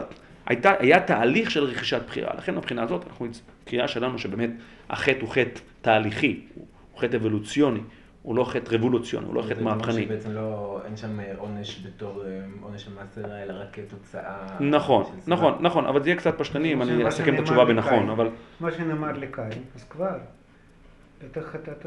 נכון, קין הוא כבר גרסה, קין הוא כבר הרבה אחרי הגירוש, קין הוא כבר, אבל גם קין, גם קין מתכתב, וזה אנחנו, אנחנו לא ניכנס לזה, בעצם אנחנו מראים שבעצם אברהם הוא ה... עוד לפני אברהם, סליחה, יש לנו את נמרוד, יש לנו את דור הפלגה הזכרת, הנקודה שבה האדם מביא לאיזושהי נקודת קצה, כפרפרזה אריסטו, נקודת קצה, את העוצמה האישית, את הבחירה האישית, את האוטונומיה הזאת שלו, ולא בכדי שמו נמרוד, האדם המורד, כן, אבל הוא היה עובד כן? אלילים. לא צריך לקרוא את אלבר קאמי בשביל זה, כן, אבל היה עובד האדם המורד, מה? אבל הוא היה עובד אלילים. כן. בסדר. האדם המורד, אברהם לידו היה אתאיסט. והאברהם מתחיל משהו חדש. אברהם מתחיל משהו חדש. חדש לחלוטין. ושוב, אנחנו באמת נכנסים פה להרבה מאוד פינות. אבל הסיפור בגדול הוא הסיפור שבו האדם מתפכח מהתלותיות. ועל מנת שה... ועכשיו היהדות משתיתה, היסוד, יסוד הבחירה הוא יסוד מהותי, קרדינלי, קריטי באמונה היהודית, בדת היהודית, לא פחות מאשר ההכרה בקדוש ברוך הוא. האמונה, האמונה בקדוש ברוך הוא. חד משמעית. אין שום משמעות דתית, אין שום עניין דתי, אין שום פשר לאיזושהי עשייה כלשהי אם האדם הוא נטול בחירה. שום עשייה. הבחירה היא האבן, הבסיס הבסיסי ביותר, האלמנטרי ביותר של הדתיות, של דתיות כלשהי. ואז נשאלת השאלה, אם האדם פועל, אם האדם הוא עצמאית, אם האדם הוא בלתי תלותית, אז איפה כן מגיעה המחויבות? איפה כן מגיעה המחויבות? כאן נכנס הנושא שנקרא התגלות. ההמצאה. פטנט. פטנט, אור. התגלות, יפה. פה נכנס דבר שנקרא התגלות. מה בעצם הסיפור של ההתגלות? אם שוב רגע אני חוזר לשני הכתבים, מיתולוגיה, פילוסופיה ויהדות בתווך. הסיפור של ההתגלות זה המצאה גאונית. זה באמת המצאה גאונית. המיתולוגיה לא מאמינה בהתגלות, אתם יודעים למה? כי כשאנחנו אומרים התגלות, בהכרח אמרנו חד פעמיות, ייחודיות. התגלות הכוונה שיש מציאות שהיא קיימת נוכחת, ויהיה משהו מתגלה בה. משהו מתגלה בה. ההתגלות בהכרח היא טרנסצדנטית. כי אם ההתגלות היא מגיעה ממקור אימננטי, אז זה לא התגלות, אז זה נמצא. אין פה שום, אין פה שום יסוד התגלותי. על פי המיתולוגיה אין ניסים. הכל זה ניסים. הכל נס, יפה.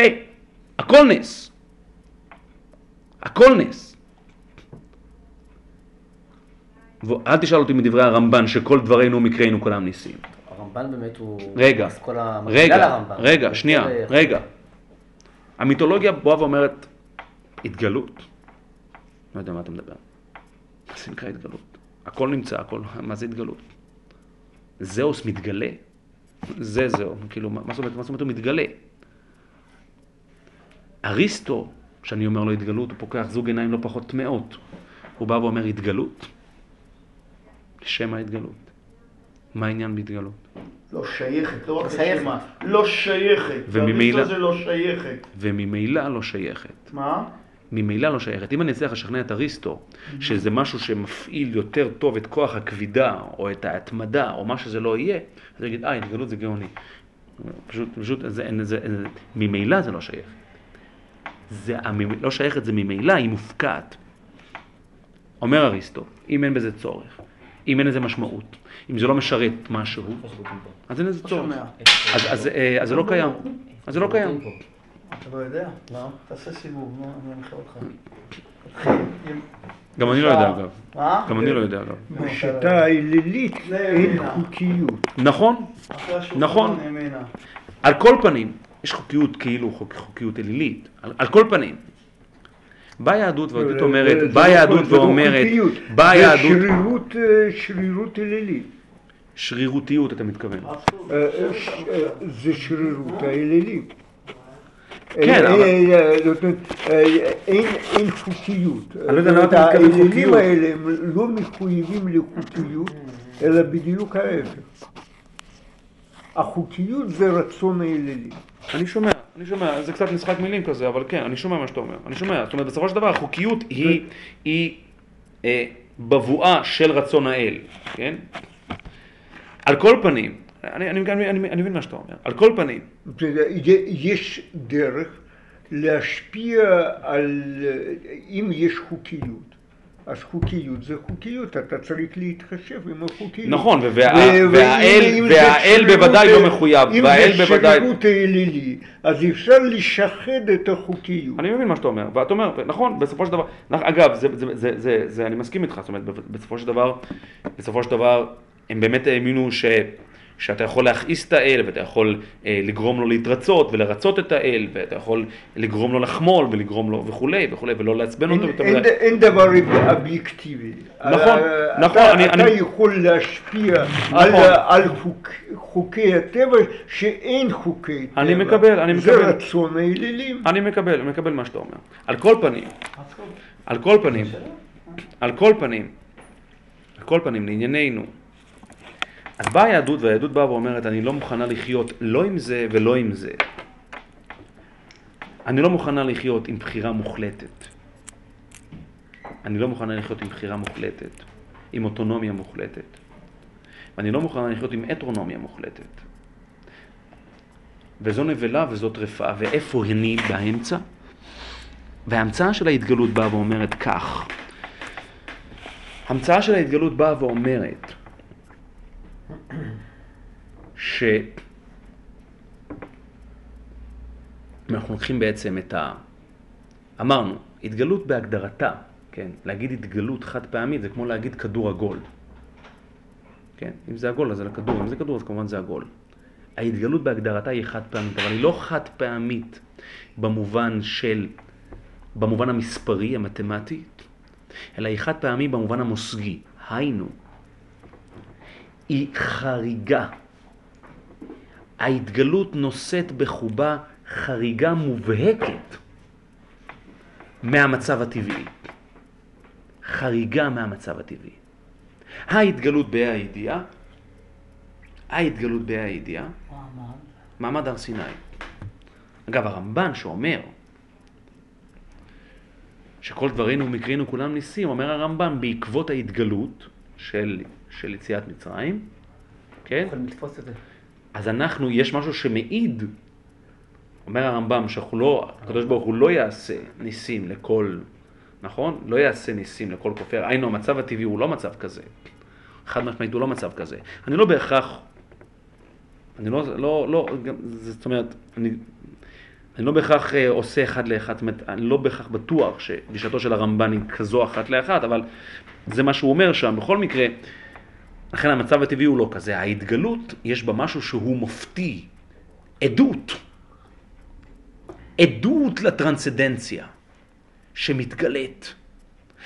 וההתגלות הזו היא קריטית, מכיוון שההתגלות הזו בעצם, מה הבשורה שנמצאת בהתגלות הזו? ואני רגע חוזר, מה ההתגלות?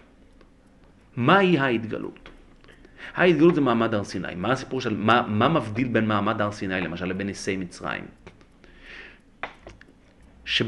שבמעמד הר סיני, מעמדו של, יש משהו במעמד של האדם שמשתנה. אפרופו תורה ומצוות, קבלת עול תורה ומצוות, שאנחנו מדברים בזה. זה לא סתם סיפור שהקדוש ברוך הוא מתגלה והוא עושה הרבה או קורע את הים או מכה, מכה בבכורות. שזה, שמבחינה האדם לא משתנה. זה נכון, בני ישראל, ו... אגב, זה לא סתם התגלות. תפיסת החובה. רגע, זה לא סתם אגב התגלות, זה גם משהו שצריך להעריך בו את הדיבור, זה לא סתם התגלות שוואלה, הקדוש ברוך הוא מתגלה, הנה הראיתי לכם שאני יכול לעשות עכשיו נפלאות, עכשיו אני חוזר חזרה, תדעו שאני קיים. לא, תמיד בסופו של דבר זה חייב להגיע אל הסיפור האנתרופולוגי, האדם הופך להיות באופן פרדוקסלי מעבד לבן חורין, שזה דבר פרדוקסלי. כי אם יש, כי אם יש אלוהים, אז, אז הוא כפוף לו, זאת אומרת, אז עבדיי הם ולא עבדים לעבדים. כל מושג החירות מתחדש במעמד הר, ב, ב, ביציאת מצרים, שהוא בעצם סיפור ההתגלות. אבל אנחנו יודעים, כמו שאומר הרמב"ם, שבני ישראל לא האמינו ב...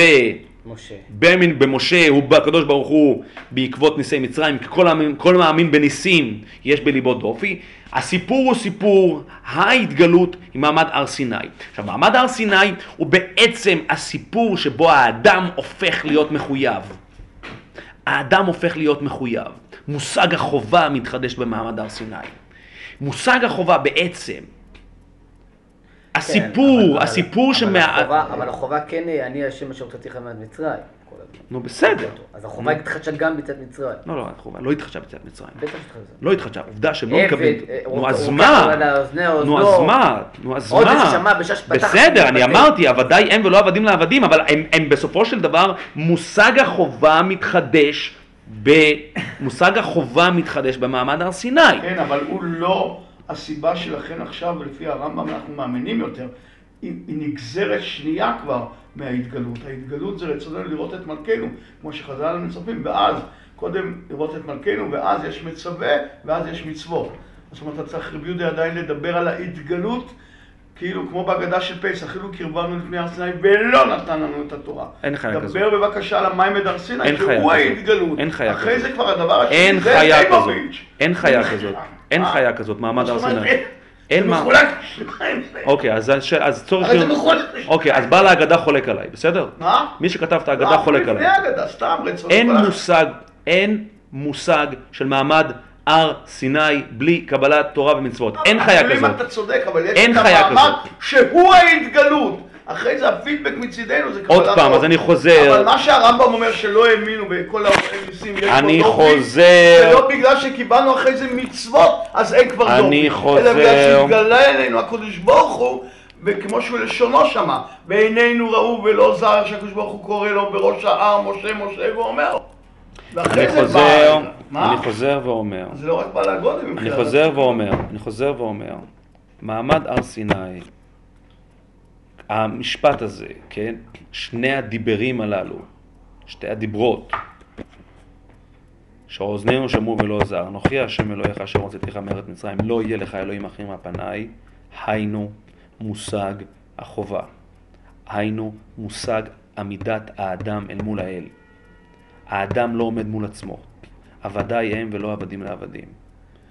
אוקיי? מושג החובה. ההתגלות, ההתגלות הרי יכולה להיות סתם התגלות, פנטסטית. איזושהי התרחשות קוסמולוגית נהדרת, עצומה, אדירת מימדים, שידוד מערכות. כולם יעמדו ויגידו, וואו, לא בוואו עסקינן, לא בזיקוקין דינור עסקינן, לא באקרובטיקה אלוהית עסקינן, לא בזה עסקינן. אין מושג של סתם הקדוש ברוך הוא מתגלה ואומר, תראו, זה לא עובד ככה. ההתגלות מתחוללת במישור האנתרופולוגי. באדם היא מתחוללת. האדם, אני אומר אפילו אפילו בניסי מצרים, שוואו, זה סיפור פנטסטי, זה סיפור נהדר. בסופו של דבר, בערבו של יום, יש שם אדם שהפך להיות בן חורין. יש שם סיפור אנושי. יש שם מטמורפוזה אנושית. מתחוללת שם מטמורפוזה. הסיפור, כל הסיפור של ניסי מצרים, אם לא הייתה גאולת מצרים, היו חסרי משמעות. סתם היו יכולים, אם הקדוש ברוך הוא רוצה להראות את כוחו וידו הגדולה, שיעשה... מה, מה אנחנו קשורים לסיפור הזה?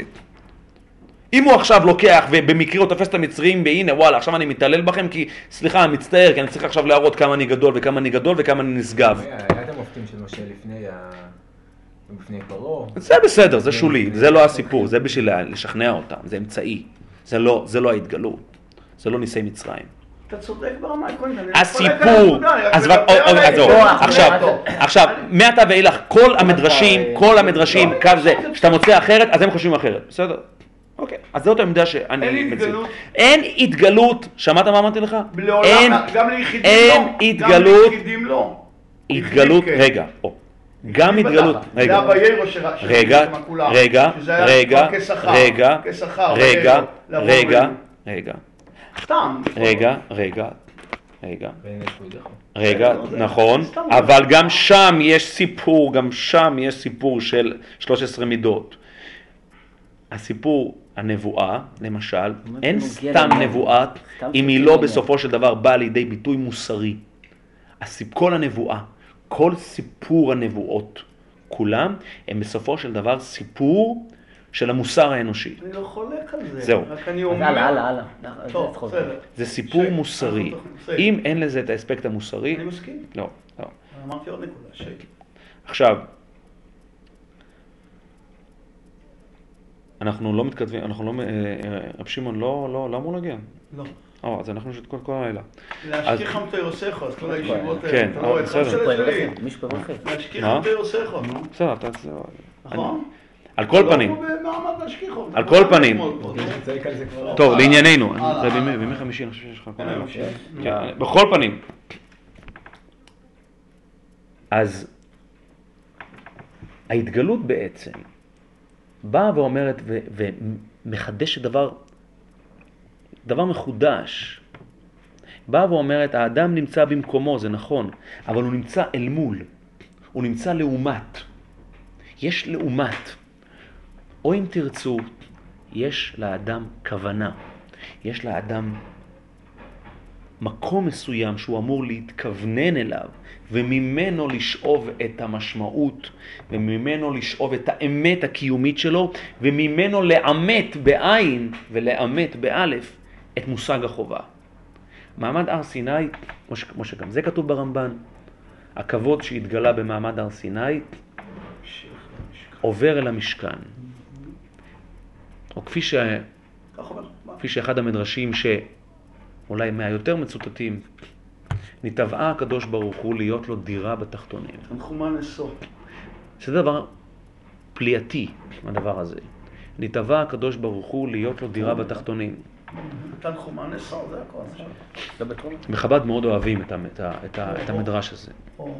דירו. בתחתינים, דירו בתחתין, נכון, הפתאי ואדרוס דאל תרבה פרקלישקי קשה. נכון, כי אמנם מעולם לא ירדה שכינה למטה מעשרה טפחים, אבל בכל מקרה, ואנחנו נראה כי זה גם נוגע לנר חנוכה, אם נספיק היום. אם נספיק היום, אם לא אז לא חנוכה, אם לא, חנוכה, אם לא, אם לא אז חנוכה. אם לא, אם אם נספיק, לא, היום נספיק. אם נספיק בחנוכה הזה, אם לא אז בחנוכה הבא. אז נתבע הקדוש ברוך הוא להיות לו דירה בתחתונים הכוונה שההתגלות דורשת קביעות. אבל קביעות בצורה שלא חלילה תהפך להיות אלילית. פה אני מגיע לדברי הרמב"ם על פרשת הקורבנות. שהקורבנות הם סובלימציה, הם עידון של האלילות. קרי, היא חייבת להיות קביעות.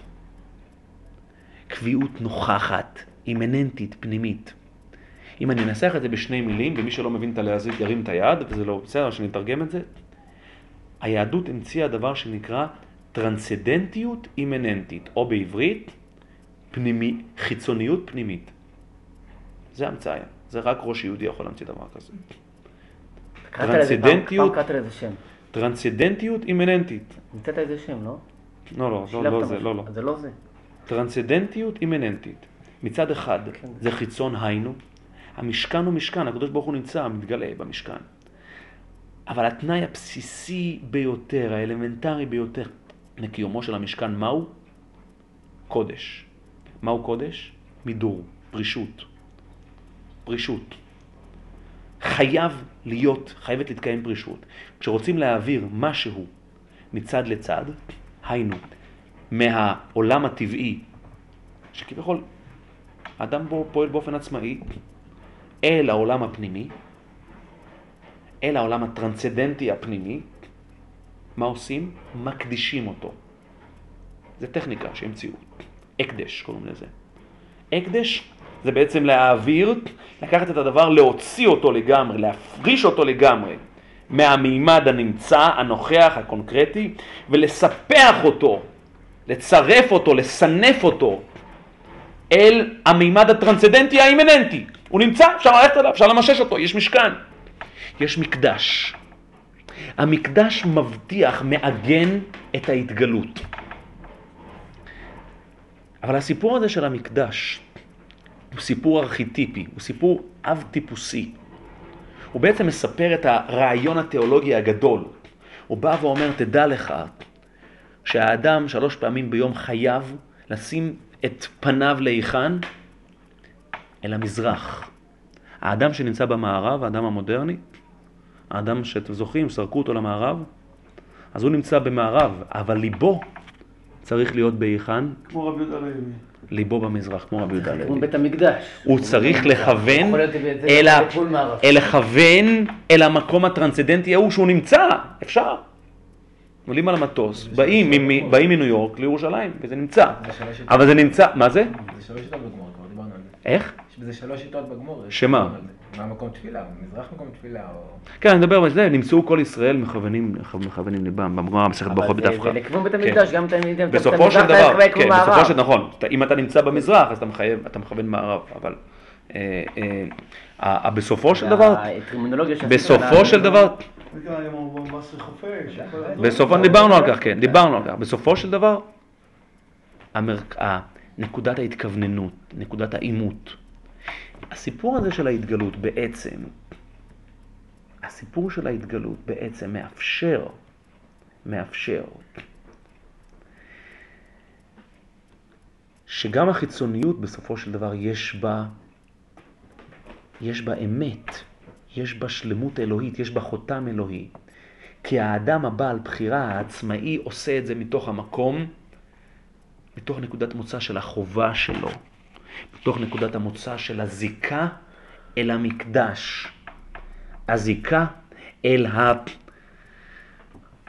היוליות ההתגלותית, כן? אותה היוליות שנמצאת צפונה ב...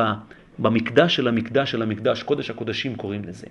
שאין לנו בכלל זיקה אל המקום הזה. רק עד כמה שאנחנו באמת מופרשים לגמרי ביום הכיפורים, מופרשים לגמרי מכל איזשהו שיג ושיח עם הטבעיות, עם האכילה, עם השתייה, עם התשמיש, אנחנו לגמרי במצב של מידור, אז יש לנו איזושהי זיקה ממשית אל הטרנסדנטיות המוחלטת, האימננטית.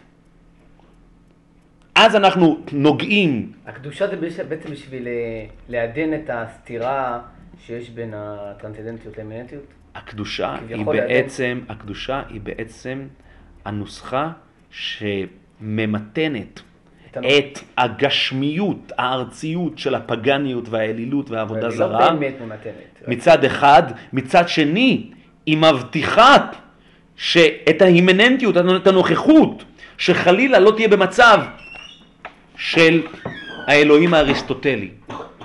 אגב, אם אפשר ברמת הכותרת, הפגניות היא עבודה זרה, האריסטוטליות מהי? אתאיסטיות. כפירה, נכון. לא אתאיסטיות, כפירה. כפירה, לא, כפירה. כפירה. לא כפירה מוחלטת, לא כפירה? כפירה, נקודה. הכפירה בעומק. הכפירה זאת, זאת האריסטוטליות, העבודה זרה, הפגניות, זאת המיתולוגיה. עכשיו, לא סתם אמרתי, הרעיון הזה, אני הדגשתי ואמרתי, אפיקורס היה. אני הדגשתי ואמרתי, אפיקורס, הוא היה. אני הדגשתי ואמרתי, בדיוק, שלא האמין בהשגחה פרטית. אה, נכון, אני הדגשתי, כן, זה אגב, זה אגב הרמב"ן שם, זה הכל אטומים והכל... זה אגב הרמב"ן, זה אגב שוב חוזר אל אותו רמב"ן בשלהי פרשת בו.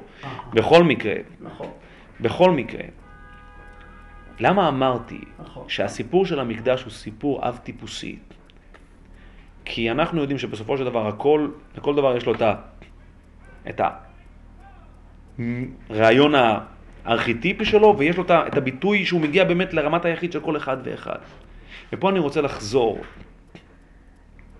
פה אני רוצה לחזור. אתם יודעים מה, עוד לפני שאני חוזר לדברי המדרש, לא- רגע, רגע, עוד לפני, עוד לפני המדרש, עוד לפני המדרש. אני רוצה ל- ל- רגע לפסוקים שאנחנו לומדים כאן, הפסוקים ה- שלפנינו. הנקודה הזאת, "ויפ- ו- ותפקחנה עיני שניהם, הסימפטום, התוצר לוואי הראשון, נגזרת הלוואי של הגירוש.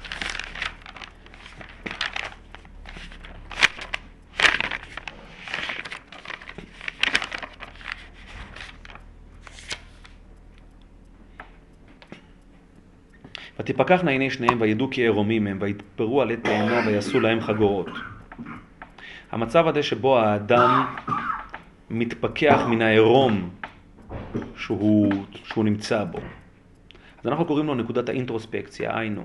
הנקודה, האמת שאני קצת מעדיף קצת אולי לקצר את זה כי זה פותח לנו, אבל הנקודה שבה האדם בעצם ישנא. נגאל, משתחרר מהנטורליזם, או נזרק מהנטורליזם, שני צדדים של אותו מטבע. הוא נזרק מהנטורליזם והוא נגאל מהנטורליזם, נגאל באלף, אולי גם נגאל בעין. הוא בעצם מתחפר. הוא בעצם מתחפר, הוא מתחפר. דיברנו על כך. עלי הטענה זה של התחפרות. הוא מגונן על המיניות שלו. הדבר שהוא מגונן עליו, הוא מגונן על הקדושה שלו. מה זאת אומרת? הוא בא והופך את עצמו לנקודת מוצא. אם נקודת המוצא שלו הייתה הטבע, הוא נקודת המוצא. דיברנו, האינטרוספקציה, ההתבוננות העצמית. לא ניכנס לזה עכשיו.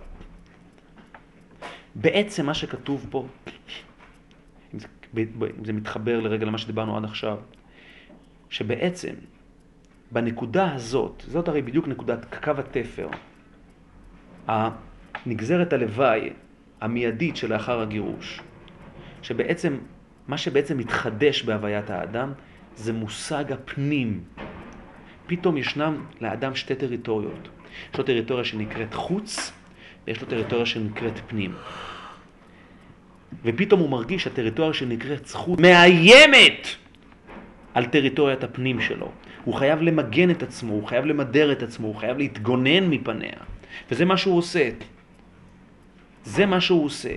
הוא מרגיש פתאום חרדה גדולה, איום גדול. הוא מרגיש שהנקודה הזאת, הנקודה הפנימית הזאת, היא מאוימת. אבל אני רוצה שתבינו, עצם המילה פנים היא מילה שמתחדשת עכשיו. כי אם אין פנים ואין חוץ, אז אין פנים. אז יש, אז יש, זה מה שיש. הפנים הוא בהכרח אומר שיש חוץ, והחוץ הוא בהכרח אומר שיש פנים, זה פשוט. זה כמו שאני אומר גדול וקטן, אז אם אני יש גדול, כנראה שחייב להיות קטן. נכון? פשוט, נכון? אז מושג הפנים, המושג שנקרא פנים, זה מה שמתחדש בעצם בהווייתו. מושג הפנים ומושג החוץ, הווה אומר במילה אחת התגלות. האדם הופך להיות ישות מתגלית. האדם הופך להיות ישות מתגלית. האדם ספון. עכשיו, מה שקורה, וקורה פה דבר מאוד מעניין, וזה מה שאנחנו לומדים בשבועות האחרונים, שהוא עד כדי כך ספון, הוא עד כדי כך בלתי נראה, שהקדוש ברוך הוא אומר לו אייכה. הוא באמת אומר לו אייכה. הוא לא מזהה אותו, כי הוא אוטונומי. אבל מה יש? יש התגלות. במקום הזה יש התגלות. וישמע, וזה למדנו, זה למדנו בשבועות האחרונים, מי שהיה פה מבין מה שאני אומר. וישמעו את כל השם אלוהים מתהלך בגן לרוח היום. השמיעה, האופן שבו הראייה הפכה לשמיעה. יש שמיעה, יש התבוננות.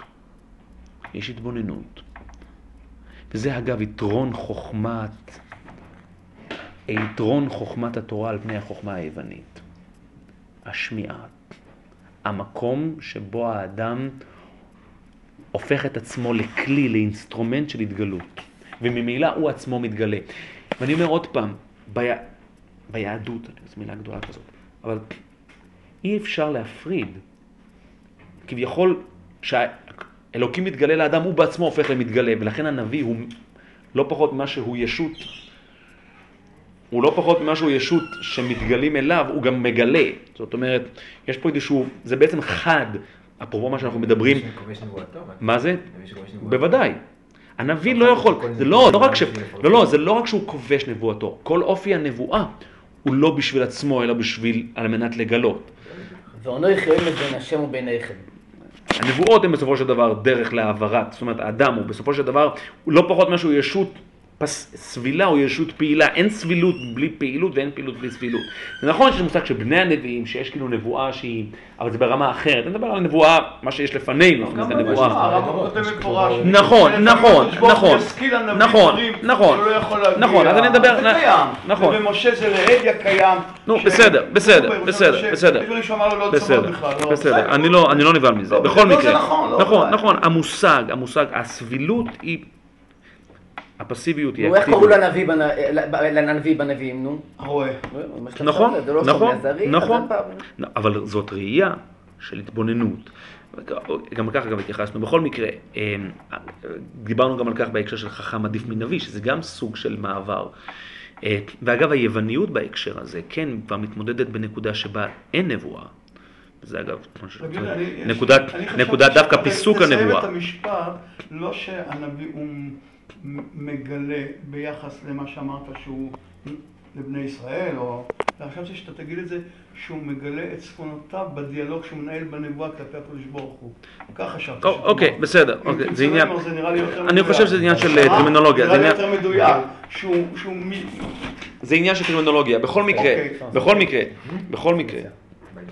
יובל שרלו מעריך על זה. מה? יובל שרלו על זה, אה, אה, בוא, בוא, בוא, בוא, בוא ננסה להתקדם, בוא ננסה להתקדם, בוא ננסה להתקדם, בוא ננסה להתקדם. הנה, יש פה מישהו שמגיע עם כוחות רעננים. אז אה, בכל מקרה, חזר אלינו, לא בא.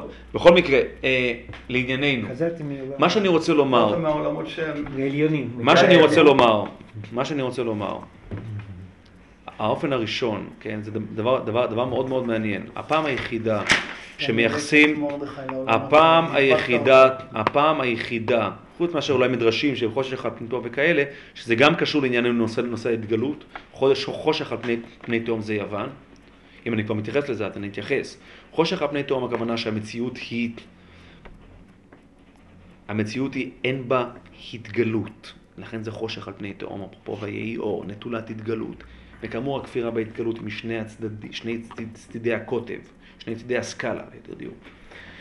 לא הבנתי, איזה שתי התגלויות? לא או, ש, או שהחושך הוא מכיוון שאין מקור אור חיצוני, מכיוון שהאור כאילו הוא פנימי וזה ממילא חושך. או שניתקו לגמרי, ניתקו לגמרי את התאורה, אריסטו שלגמרי מנתק את התאורה החיצונית. אבל הפסוק, הפסוק שמכאילו מספר בעצם את התהליך, את המפגש אפילו, בין יוון לבין העם היהודי מהו? אז זה, פסוק בפרשת נוח, כמובן. יפת אלוהים ליפת, והוא ישכון בעולי שם. Mm. הפסוק הזה בעצם מספר, באופן מטאפורי, אלגורי נפלא, את הסיפור של יוון במילה אחת, ואת הסיפור של ישראל, של היהודיות מצד אחד, של היווניות מצד, מצד שני. ואם אני לרגע חוזר לראשית, ראשית ראשית דברינו. הלניזם, הלניזם, זה כמעט מילה נרדפת למיתולוגיה היוונית. זאת אומרת, אי אפשר להפריד את המיתולוגיה מההלניזם. ההלניזם או המיתולוגיה, במילה אחת, עניינה, עניינה יופי. יופי עניינו חוץ, חיצוניות. יופי. היופי בעצם מספר את הסיפור של החוץ. זה מה שהוא מספר. אם תמצא להם, הוא מספר בחוץ את היופי הפנימי. גם אפשרי. רגע, אפשרי. אצל רגע. הרבי רחוב בחב"ד. מסעודון תאיר פורנו וכולי. תאיר פניו, הרבי לא בחב"ד, כתוב, לא די, כתוב. די, די, די, די, בסדר, טוב, נו, מאוד הלאה, יפה. זאת אומרת שהיא מאוד מאוד טובה ומאוד מאוד אה, איכותית. יופי זאת מילה נרדפת לחיצוניות. יפת אלוהים ליפת הכוונה, שם פה יוון מקבלים שם קוד. שם קוד שעונה לשם יופי. יופי בסוגריים חוץ. היהודיות מקבלת שם אחר. איזה שם היא מקבלת? היא מקבלת את השם אוהל. אוהל עניינו פנים. זה לעומת זה. דלתות. בא הפסוק ואומר, יפת אלוהים ליפת, והוא ישכון היכן? בעולי שם. קרי, היכולת, האפשרות לקבל ולהכיל את היווניות היא רק עד כמה שנקודת המוצא שלך היא פנים, שזה מצטרף ומתעמת יופי. באוהלי שם. זה המדרש הזה עם החלום. יפה מאוד. עכשיו אני כל אחזור. עכשיו. עכשיו, וישכון הכוונה נמצא, קבוע. קבוע, לא נכון, נכון, רק עד כמה שיש לו את העימות של אוהלי שם. כי אם הוא יישאר ברמת יפ, יפייפותו של יפת, או כלשון חז"ל, יפייפותו של יפת תשכון לא בשער בת רבים, לא בריש כל חוצות, לא קבל עם ועולם. למה לא? למה לא? כי אז מה? כי זאת כל הנוסחה של ההתגלות. כי המסע הוא לעולם מן הפנים אל החוץ, ולא מן החוץ אל הפנים. או אם מן החוץ אל הפנים, הכוונה לעולם המשמעות היא, המשמעות היא.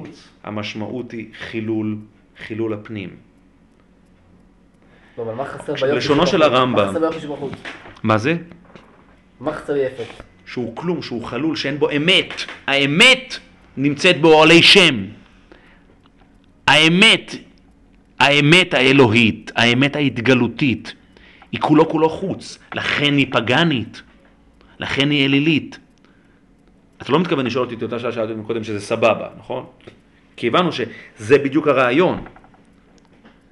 ה- להיתקע, להתמלכד בחוץ, אתה עובד עבודה זרה. כפשוטו. אני אומר עוד פעם, ההלניזם היה מיתולוגי. הוא מדהים, הוא נפלא, הוא יצר אומנות, הוא יצר לא שפה. לך, אז שקר החל והבל היופי, זה כבר מספיק לך עכשיו? בסדר. כן. אבל היופי הוא טוב. אה, אבל להפך, הגויין. אבל להפך, כתוב פה. אבל כתוב פה, כתוב פה להפך, כתוב פה שיש אמת ביופי. שיכול להיות אמת ביופי. שהוא שם. שהוא נקודת המוצא שלו, שהוא מתעמת, באלף, מתעמת באוהלי שם. הוא חייב לעבור את המסננה, את הביקורת את הגיור. של אוהלי שם, את המטמורפוזה הזאת. יפת אלוהים ליפת והוא ישכון באוהלי שם. לשונו של הרמב"ם, זה גם מופיע בחז"ל, זה הרמב"ם, בתחילת הלכות חנוכה. אומר הרמב"ם, בימי חשמונאי מתתיהו, שגזרו אה, על. בני- ממונם ובנותיהם, ופרצו פרצות במקדש, או בחומות המקדש. זה דבר שאומר דרשני. בנותיהם אני מבין, ממונם אני מבין. סדר לא נורמלי. לא, לא רק הסדר. הסדר מה לא- לא- היה לא- עניינם, לא ראוי. מה היה עניינם לפרוץ פרצות בחומה? זה מרן לא כתוב, ש... לא כתוב שהם רצו להחריב, כי הם לא רצו להחריב. כן, כן. לא כתוב שהם רצו לעשות חור. כן, כתוב עשו חור, רגע, בסדר, כן. עשו חור, ראו שעשו חור, הלכו הביתה, וואלה. זהו, עשינו, מילאנו את התפקיד, הודיעו אבל למפקד, המ- המשימה בוצעה, תעשו חור בחומה, במקדש, רק תעשו חור, אל תעשו שום דבר. לא, אתה לא יכול תמשיכו, לקחת את זה ככה. הם תמשיכו, שזה יהיה... להוריד זה- בגדולתו זה של מטאפורה, המ- זה מטאפורה. כן, כל מקום היה, זה זה חציו, מטאפורה. חציו חמור. בסדר, גם אם זה היה, זה גם מטאפורה. אבל המהר"ל מדבר על הפרעה ש- בטבת, שזה שהנושא של... טוב. כן. אז, אז הפרצו פרצות, אתם רוצים לשמוע את הקריאה שלי? אז אני, יש הקריאה שלי לפרוץ אה, פרצות בחומה, הכוונה לחלל את המידור, לחלל. לחלל את הטרנסדנטיות. האימננטית. ברגע שאין אין חומה, המשמעות היא שהפנים נהפך להיות חוץ. כי הם ליצור- בעצם- תפסו את ה... את ה- את המושג שנקרא מקדש. בעצם. את המושג שנקרא מקדש. נכון, זה מה שאני אומר. בעצם אצלם, החוץ- המושג. החוץ- החוץ, החוץ היה פנים בצורה מוחלטת. נכון, נכון, נכון, הם היו כביכול במצב פרה-גירושי. נכון, בדיוק. הם בדיוק, הפגיעה שלהם, ופה אני מגיע למדרש, פה אני מגיע לכל המושג של חנוכה, כל המושג של צורת הביטוי של חנוכה. הפגיעה שלהם היא לעולם מכוונת אל הלימינליות. לימינליות זו סיפיות. סיפיות סף. סף. זה לעולם מכוון אל הסף, כי הסף הוא המגדיר, הסף הוא התוחם. הסף הוא הממדר. הסף, הנקודה הסיפית. ברגע שפגעת בסף, אתה לא צריך לפגוע עכשיו בתוך הפנים, אתה לא צריך לגוע, גמרנו. פגעת בסף. החומה היא הרי חסרת משמעות. החומה היא הרי לא המקדש. המקדש הוא בתוכו. החומה היא הסף, החומה היא התוחמת. יוצרת. החומה היא זו שבעצם באה ואומרת, עד כאן חוץ, מכאן ואילך פנים. או אם תמצאו לומר, החומה יוצרת, החומה. החומה בעשר אצבעותיה המטאפוריות יוצרת פנים. יוצרת פנים, היא יוצרת את המושג שנקרא פנים. אתה יכול להגיד פה קודש. קודש, נכון? לפני ולפנים, זה קודש הקודשים. לפני ולפנים. זה האב טיפוס של הפנים. פה אני חושב, תבקשו לי בבקשה את דברי המדרש. זה שחור על גבי לבן. אמרו בימי היוונים, נתחייב מקרא זה סוד, מקרא זה, המקרא בירמיהו, שהרימו סוד, יש פה טריק, שהרימו סוד על ישראל. אמרו בואו ונחדש עליהם גזרות, עד שיבעטו באלוהיהם ויאמינו בעבודה זרה שלנו. עמדו וגזרו כל בן ישראל שעושה לו בריח או מסגור לפתחו, ידקר בחרב. וכל כך למה? כדי שלא יהיה לישראל כבוד ולא רשות. אתם יודעים מה זה רשות? רשות היחיד. מה? אוטונומיה. אוטונומיה. שכל בית שאין לו דלת, אין לו כבוד ולא צניעות. וכל הרוצה להיכנס, נכנס בין ביום ובין בלילה. בדיוק מה, ש... בדיוק מה שהיא אומרת. אוטונום, אז זה, ברגע שזה, אם זה אוטונומיה, אז אי אפשר להיכנס, אבל פה אפשר להיכנס. וכל הרוצה להיכנס, נכנס בין ביום ובין בלילה. כיוון שראו ישראל כך, עמדו, עמדו וביטלו כל דל, דלתות בתיהם, ולא היו יכולים לא לאכול, ולא לשתות, ולא לשמש מיטותיהם בשביל גנבים וליסטים ופריצי יוונים. ולא רואים שינה בעיניהם לא יום ולא לילה, ונתקיים עליהם מקרא שכתוב, ופחדת לילה ויומם. אמרו לפני הקדוש ברוך הוא, ריבונו של עולם, כמה יכולים אנו לסבול? אמר להם בעוון מזוזה, סיפיות. אפרופו רמב"ן, אתה זוכר את דברי הרמב"ן שם? על מה? בסוף פרשת בו. על המזוזה? על כל מזוזה. קבע, כן. שכל ניסינו... לא, לא, לא על זה אני לא, מדבר. הרמב"ן. זה הרע. הרמב"ן, לא, הוא שבכל צודק. עת שעובר שם זוכה. שניכם צודקים, גם זה כתוב ברמב"ן מדבר? וגם זה כתוב רמב"ם? אתה ברמב"ן. אומר רמב"ן. אתה אומר רמב"ן או רמב"ם? רמב"ן. חשבתי על הרמב"ם, בזכות מזוזה. לא, לא. שבכל עת שהוא עובר הוא נזכר. לא, זה נכון, זה גם נכון. כן, לא רמב"ן. אומר הרמב"ן, אפילו, כל אומר הרמב"ן. לא, לא, לא, אוקיי, אבל אתה מצטט, אתה לא מצטט את הציטוט הנכון. איזה עוד? קבע מזוזה בפתח ביתו, הרי... לא. זה כתוב. ברמב"ם אני זוכר. תאמין לי כן, שזה אבל- כתוב. אוקיי, ודאי. קבע מזוזה, אתה זוכר את זה הרמב"ן? קבע מזוזה, את זוכרת את דברי הרמב"ן? יש נעמי. לא? מה? כתוב שם עוד משהו. אני חושב שכתוב, ייתכן וכתוב גם תפילין, אני חושב שכתוב גם תפילין. גם תפילין. לא במאוחר, חותם. או, לא, והטיל, הטיל, הטיל אה, פתילות ב- בכנפות בגדו, משהו כזה. שמה? שם. נו, נו, נו, מה כתוב? הרעיון שהמזוזה מאמתת, הרי זה אימת, אימת את, את האמונת ההשגחה ו- ואמונת, ואמונת משה וכולי וכולי. לא, זה כפרפרזה, מכיוון שבעצם זה הרעיון של המזוזה. בכל מקרה, בעוון מזוזה. כתוב כאן, מה אמרת? מה- מה מה רמב"ן כתוב? לא, מה הבאת? הרי זה אימת שמה? לא, שמות? לא, לא, שמה כן, כתוב? כן, עד יש לי גם. רמב"ן לחוד של שבת. לא, מה אתה רצית מזה? לא, אבל זה בלי רמב"ן. זה לא, יש פה רמב"ן, יש פה רמב"ן. אין פה רמב"ן, מה פתאום? זה שהדיוקים של היקה. אה, נו, אז מה, אז מה, אה. אחד שזה נמצא אצלי, אתה יודע. הרי זה קבע ואימת בליבו אה, את כל את. אמונת ההשגחה וכל פינה מפינות התורה וכולי וכולי. זאת אומרת שדווקא הדברים אוקיי, של אוקיי, הסיפ- מה? של הסופיות, הם לא מאמתים הסופ- לא תורת משה. הסופיות, הסיפיות. הסיפיות. הם מאמתים תורת משה. אמונת. כן, אני אומר את זה כדרש, מוישי, אל תיקח את זה יותר מדי ברצינות. אה, אל תדאג לי. אני אומר, אני אומר ששם, כתוב פה בעוון מזוזה. עוון מזוזה, המזוזה בעצם היא נקודת המעבר של האדם, מן הפנים אל החוץ ומהחוץ אל הפנים. זה הכוונה אוקיי. מצוות מזוזה? זה הרעיון של מצוות מזוזה, זה גם מה שהוא ציטט מתוך, מתוך, מתוך, מזוזה מתוך דברי הרמב"ם. שחטאו בעצם ה... לא, שהם חטאו בחטא מזוזה, בעוון מזוזה הכוונה כנה שהם לא שמו מזוזה ב- על זאת פתח ביתם. אומרת שהם לא האמינו בהשגחה הפרטית ובשמירת בדיוק, כן, נו, שואל, נו. בכל מקרה, בכל מקרה. אני חושב שכבר, אני חושב שעוון זה זה הכוונה שבעצם כבר היה חסר להם, הם- הם- הם בעצמם כבר נעדרו את ה- את ה- את המשמעות של הפער בין הם הפנים לחוץ.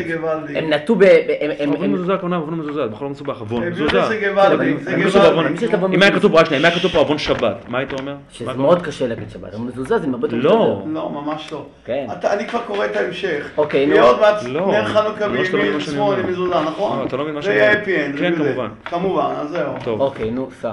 הסיפור הוא סיפור הסיפיות. הטריק, לא הטריק, הטריק מכוון כלפי הסיפיות. הטריק מכוון כלפי הסיפיות. ככל שהסיפיות חזקה יותר, מבוססת יותר, מעוגנת יותר, כך הסיכוי שלהם, זה, זה, זה, זה כתוב פה. כתוב פה שהדרך שלהם, שאלנו בהתחלה, זה הרי דבר תמוה מאוד, איך באמצעות זה שבן אדם לא יהיה לו דלת רב בריח בפתח הבית, הוא יחשוב שזהו שהוא אלוהים. מה בין זה לבין זה?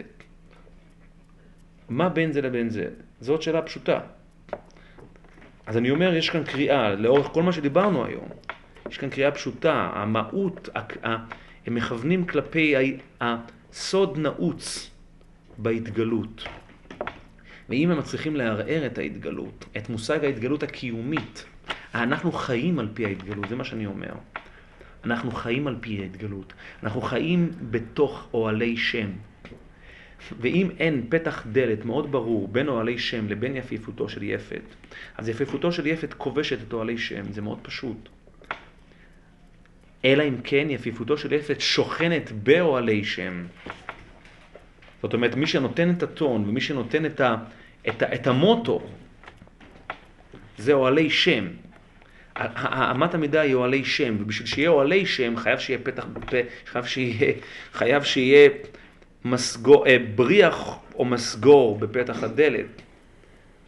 אוהל כשהוא פרוץ אז הוא לא אוהל, הוא לא אוהל. בגדים בוקעים בו. נכון מאוד, על כל פנים. זה קשור גם, דיברנו על כך בשנים עברו, למושג הנשיות, למושג הגבריות, למושג תפיסת הגבריות, הנש... ה- תפיסת הגבריות היוונית, תפיסת הגבריות היהודית. מי שזוכר, דיברנו על זה ודיברנו על זאת, אבל זה עוד חזון למועד, ועוד יבואו מועדים וחגים לששון. ובואו אנחנו מגיעים לנקודת השיא, שהיא כמובן הנקודה של מצוות, מצוות המצווה של חנוכה, שהיא בעצם המצווה של ההתגלות, כל המושג של הדלקת הנר, שהוא מגיע בנקודה שבה המציאות כבר שוקעת חמה, אין למציאות כביכול מקור אור פנימי. מצד אחד, מצד שני עדיין לא קלטה רגל מן השוק, יש מישהו שיתפוס את האור, מישהו תופס אותו. האור חייב להיות בדיוק, אבל בדיוק על פתח הדלת. ההדלקה היא על פתח הדלת, היא על הסיפיות, אבל היא על פתח הדלת מבפנים אל החוץ, לא מן החוץ אל הפנים. המדליק עומד בפנים, ההדלקה היא מן הפנים אל החוץ. זה כל הסיפור של נר חנוכה. כל הסיפור של ההתגלות, פשיט, פשוט, התגלות, אור. פשוט אור. הסיפור הזה שבו אין יחס פרופורציונלי בין המיתי לבין הקונקרטי, או אם תמצאו לומר, בין השמן לבין האור. האור, השמן, בסופו של דבר, השם המשחק הוא האור, לא השמן. זה לא שאלה כמה שמן יש לך, זה שאלה כמה אור יש לך, אבל אתה חייב שמן. באופן פרדוקסלי אתה חייב שמן. הרי יכול להיות להם נס שידלק אור בלי שמן. אולי זה מה שהיה. אור בלי שמן. אצל חנניה בן דוסה אין בעיה, גם חומץ זה נו טוב. בסדר. אה? היה יכול להיות, ניתקו בלי שמן, אז יכולים להגיד, אוקיי, בוא נעשה זה, והדליקו בלי שמן. יש, המטריה, ביום השני גם היה שמן? המטריאליזם הוא, חי- הוא מחויב, אי אפשר בלי המטריאליזם. היה שמן ביום השני. איך? היה שמן ביום השני. אני לא יודע, לא הייתי שם, אבל. הרעיון הוא, הרעיון הוא שבסופו של דבר יש יחס דיספרופורציונלית. יש יחס, כן? אין פרופורציה, כאילו בין הרוח לבין הגשם, בין ההתגלות. ההתגלות היא הרבה יותר גדולה, היא הרבה יותר משמעותית, אבל היא מעוגנת בשמן. היא מעוגנת בשמן. הסיפור של ותיארו את מקדשיך הוא סיפור שבו הם, כמו שאומר הרמב"ם, הם תיקנו את הפרצות. הם חזרו למושג שנקרא טהרה. הם חזרו למושג שנקרא טהרה. זהו. עד כאן מה שרציתי לדבר בשיעורון הקצר הזה. שיהיה לנו חג שמח. שצוף אור והתגלות. ונתגלה בשבוע, נתראה בשבוע הבא, לאו דווקא בשנה הבאה. משהו משהו.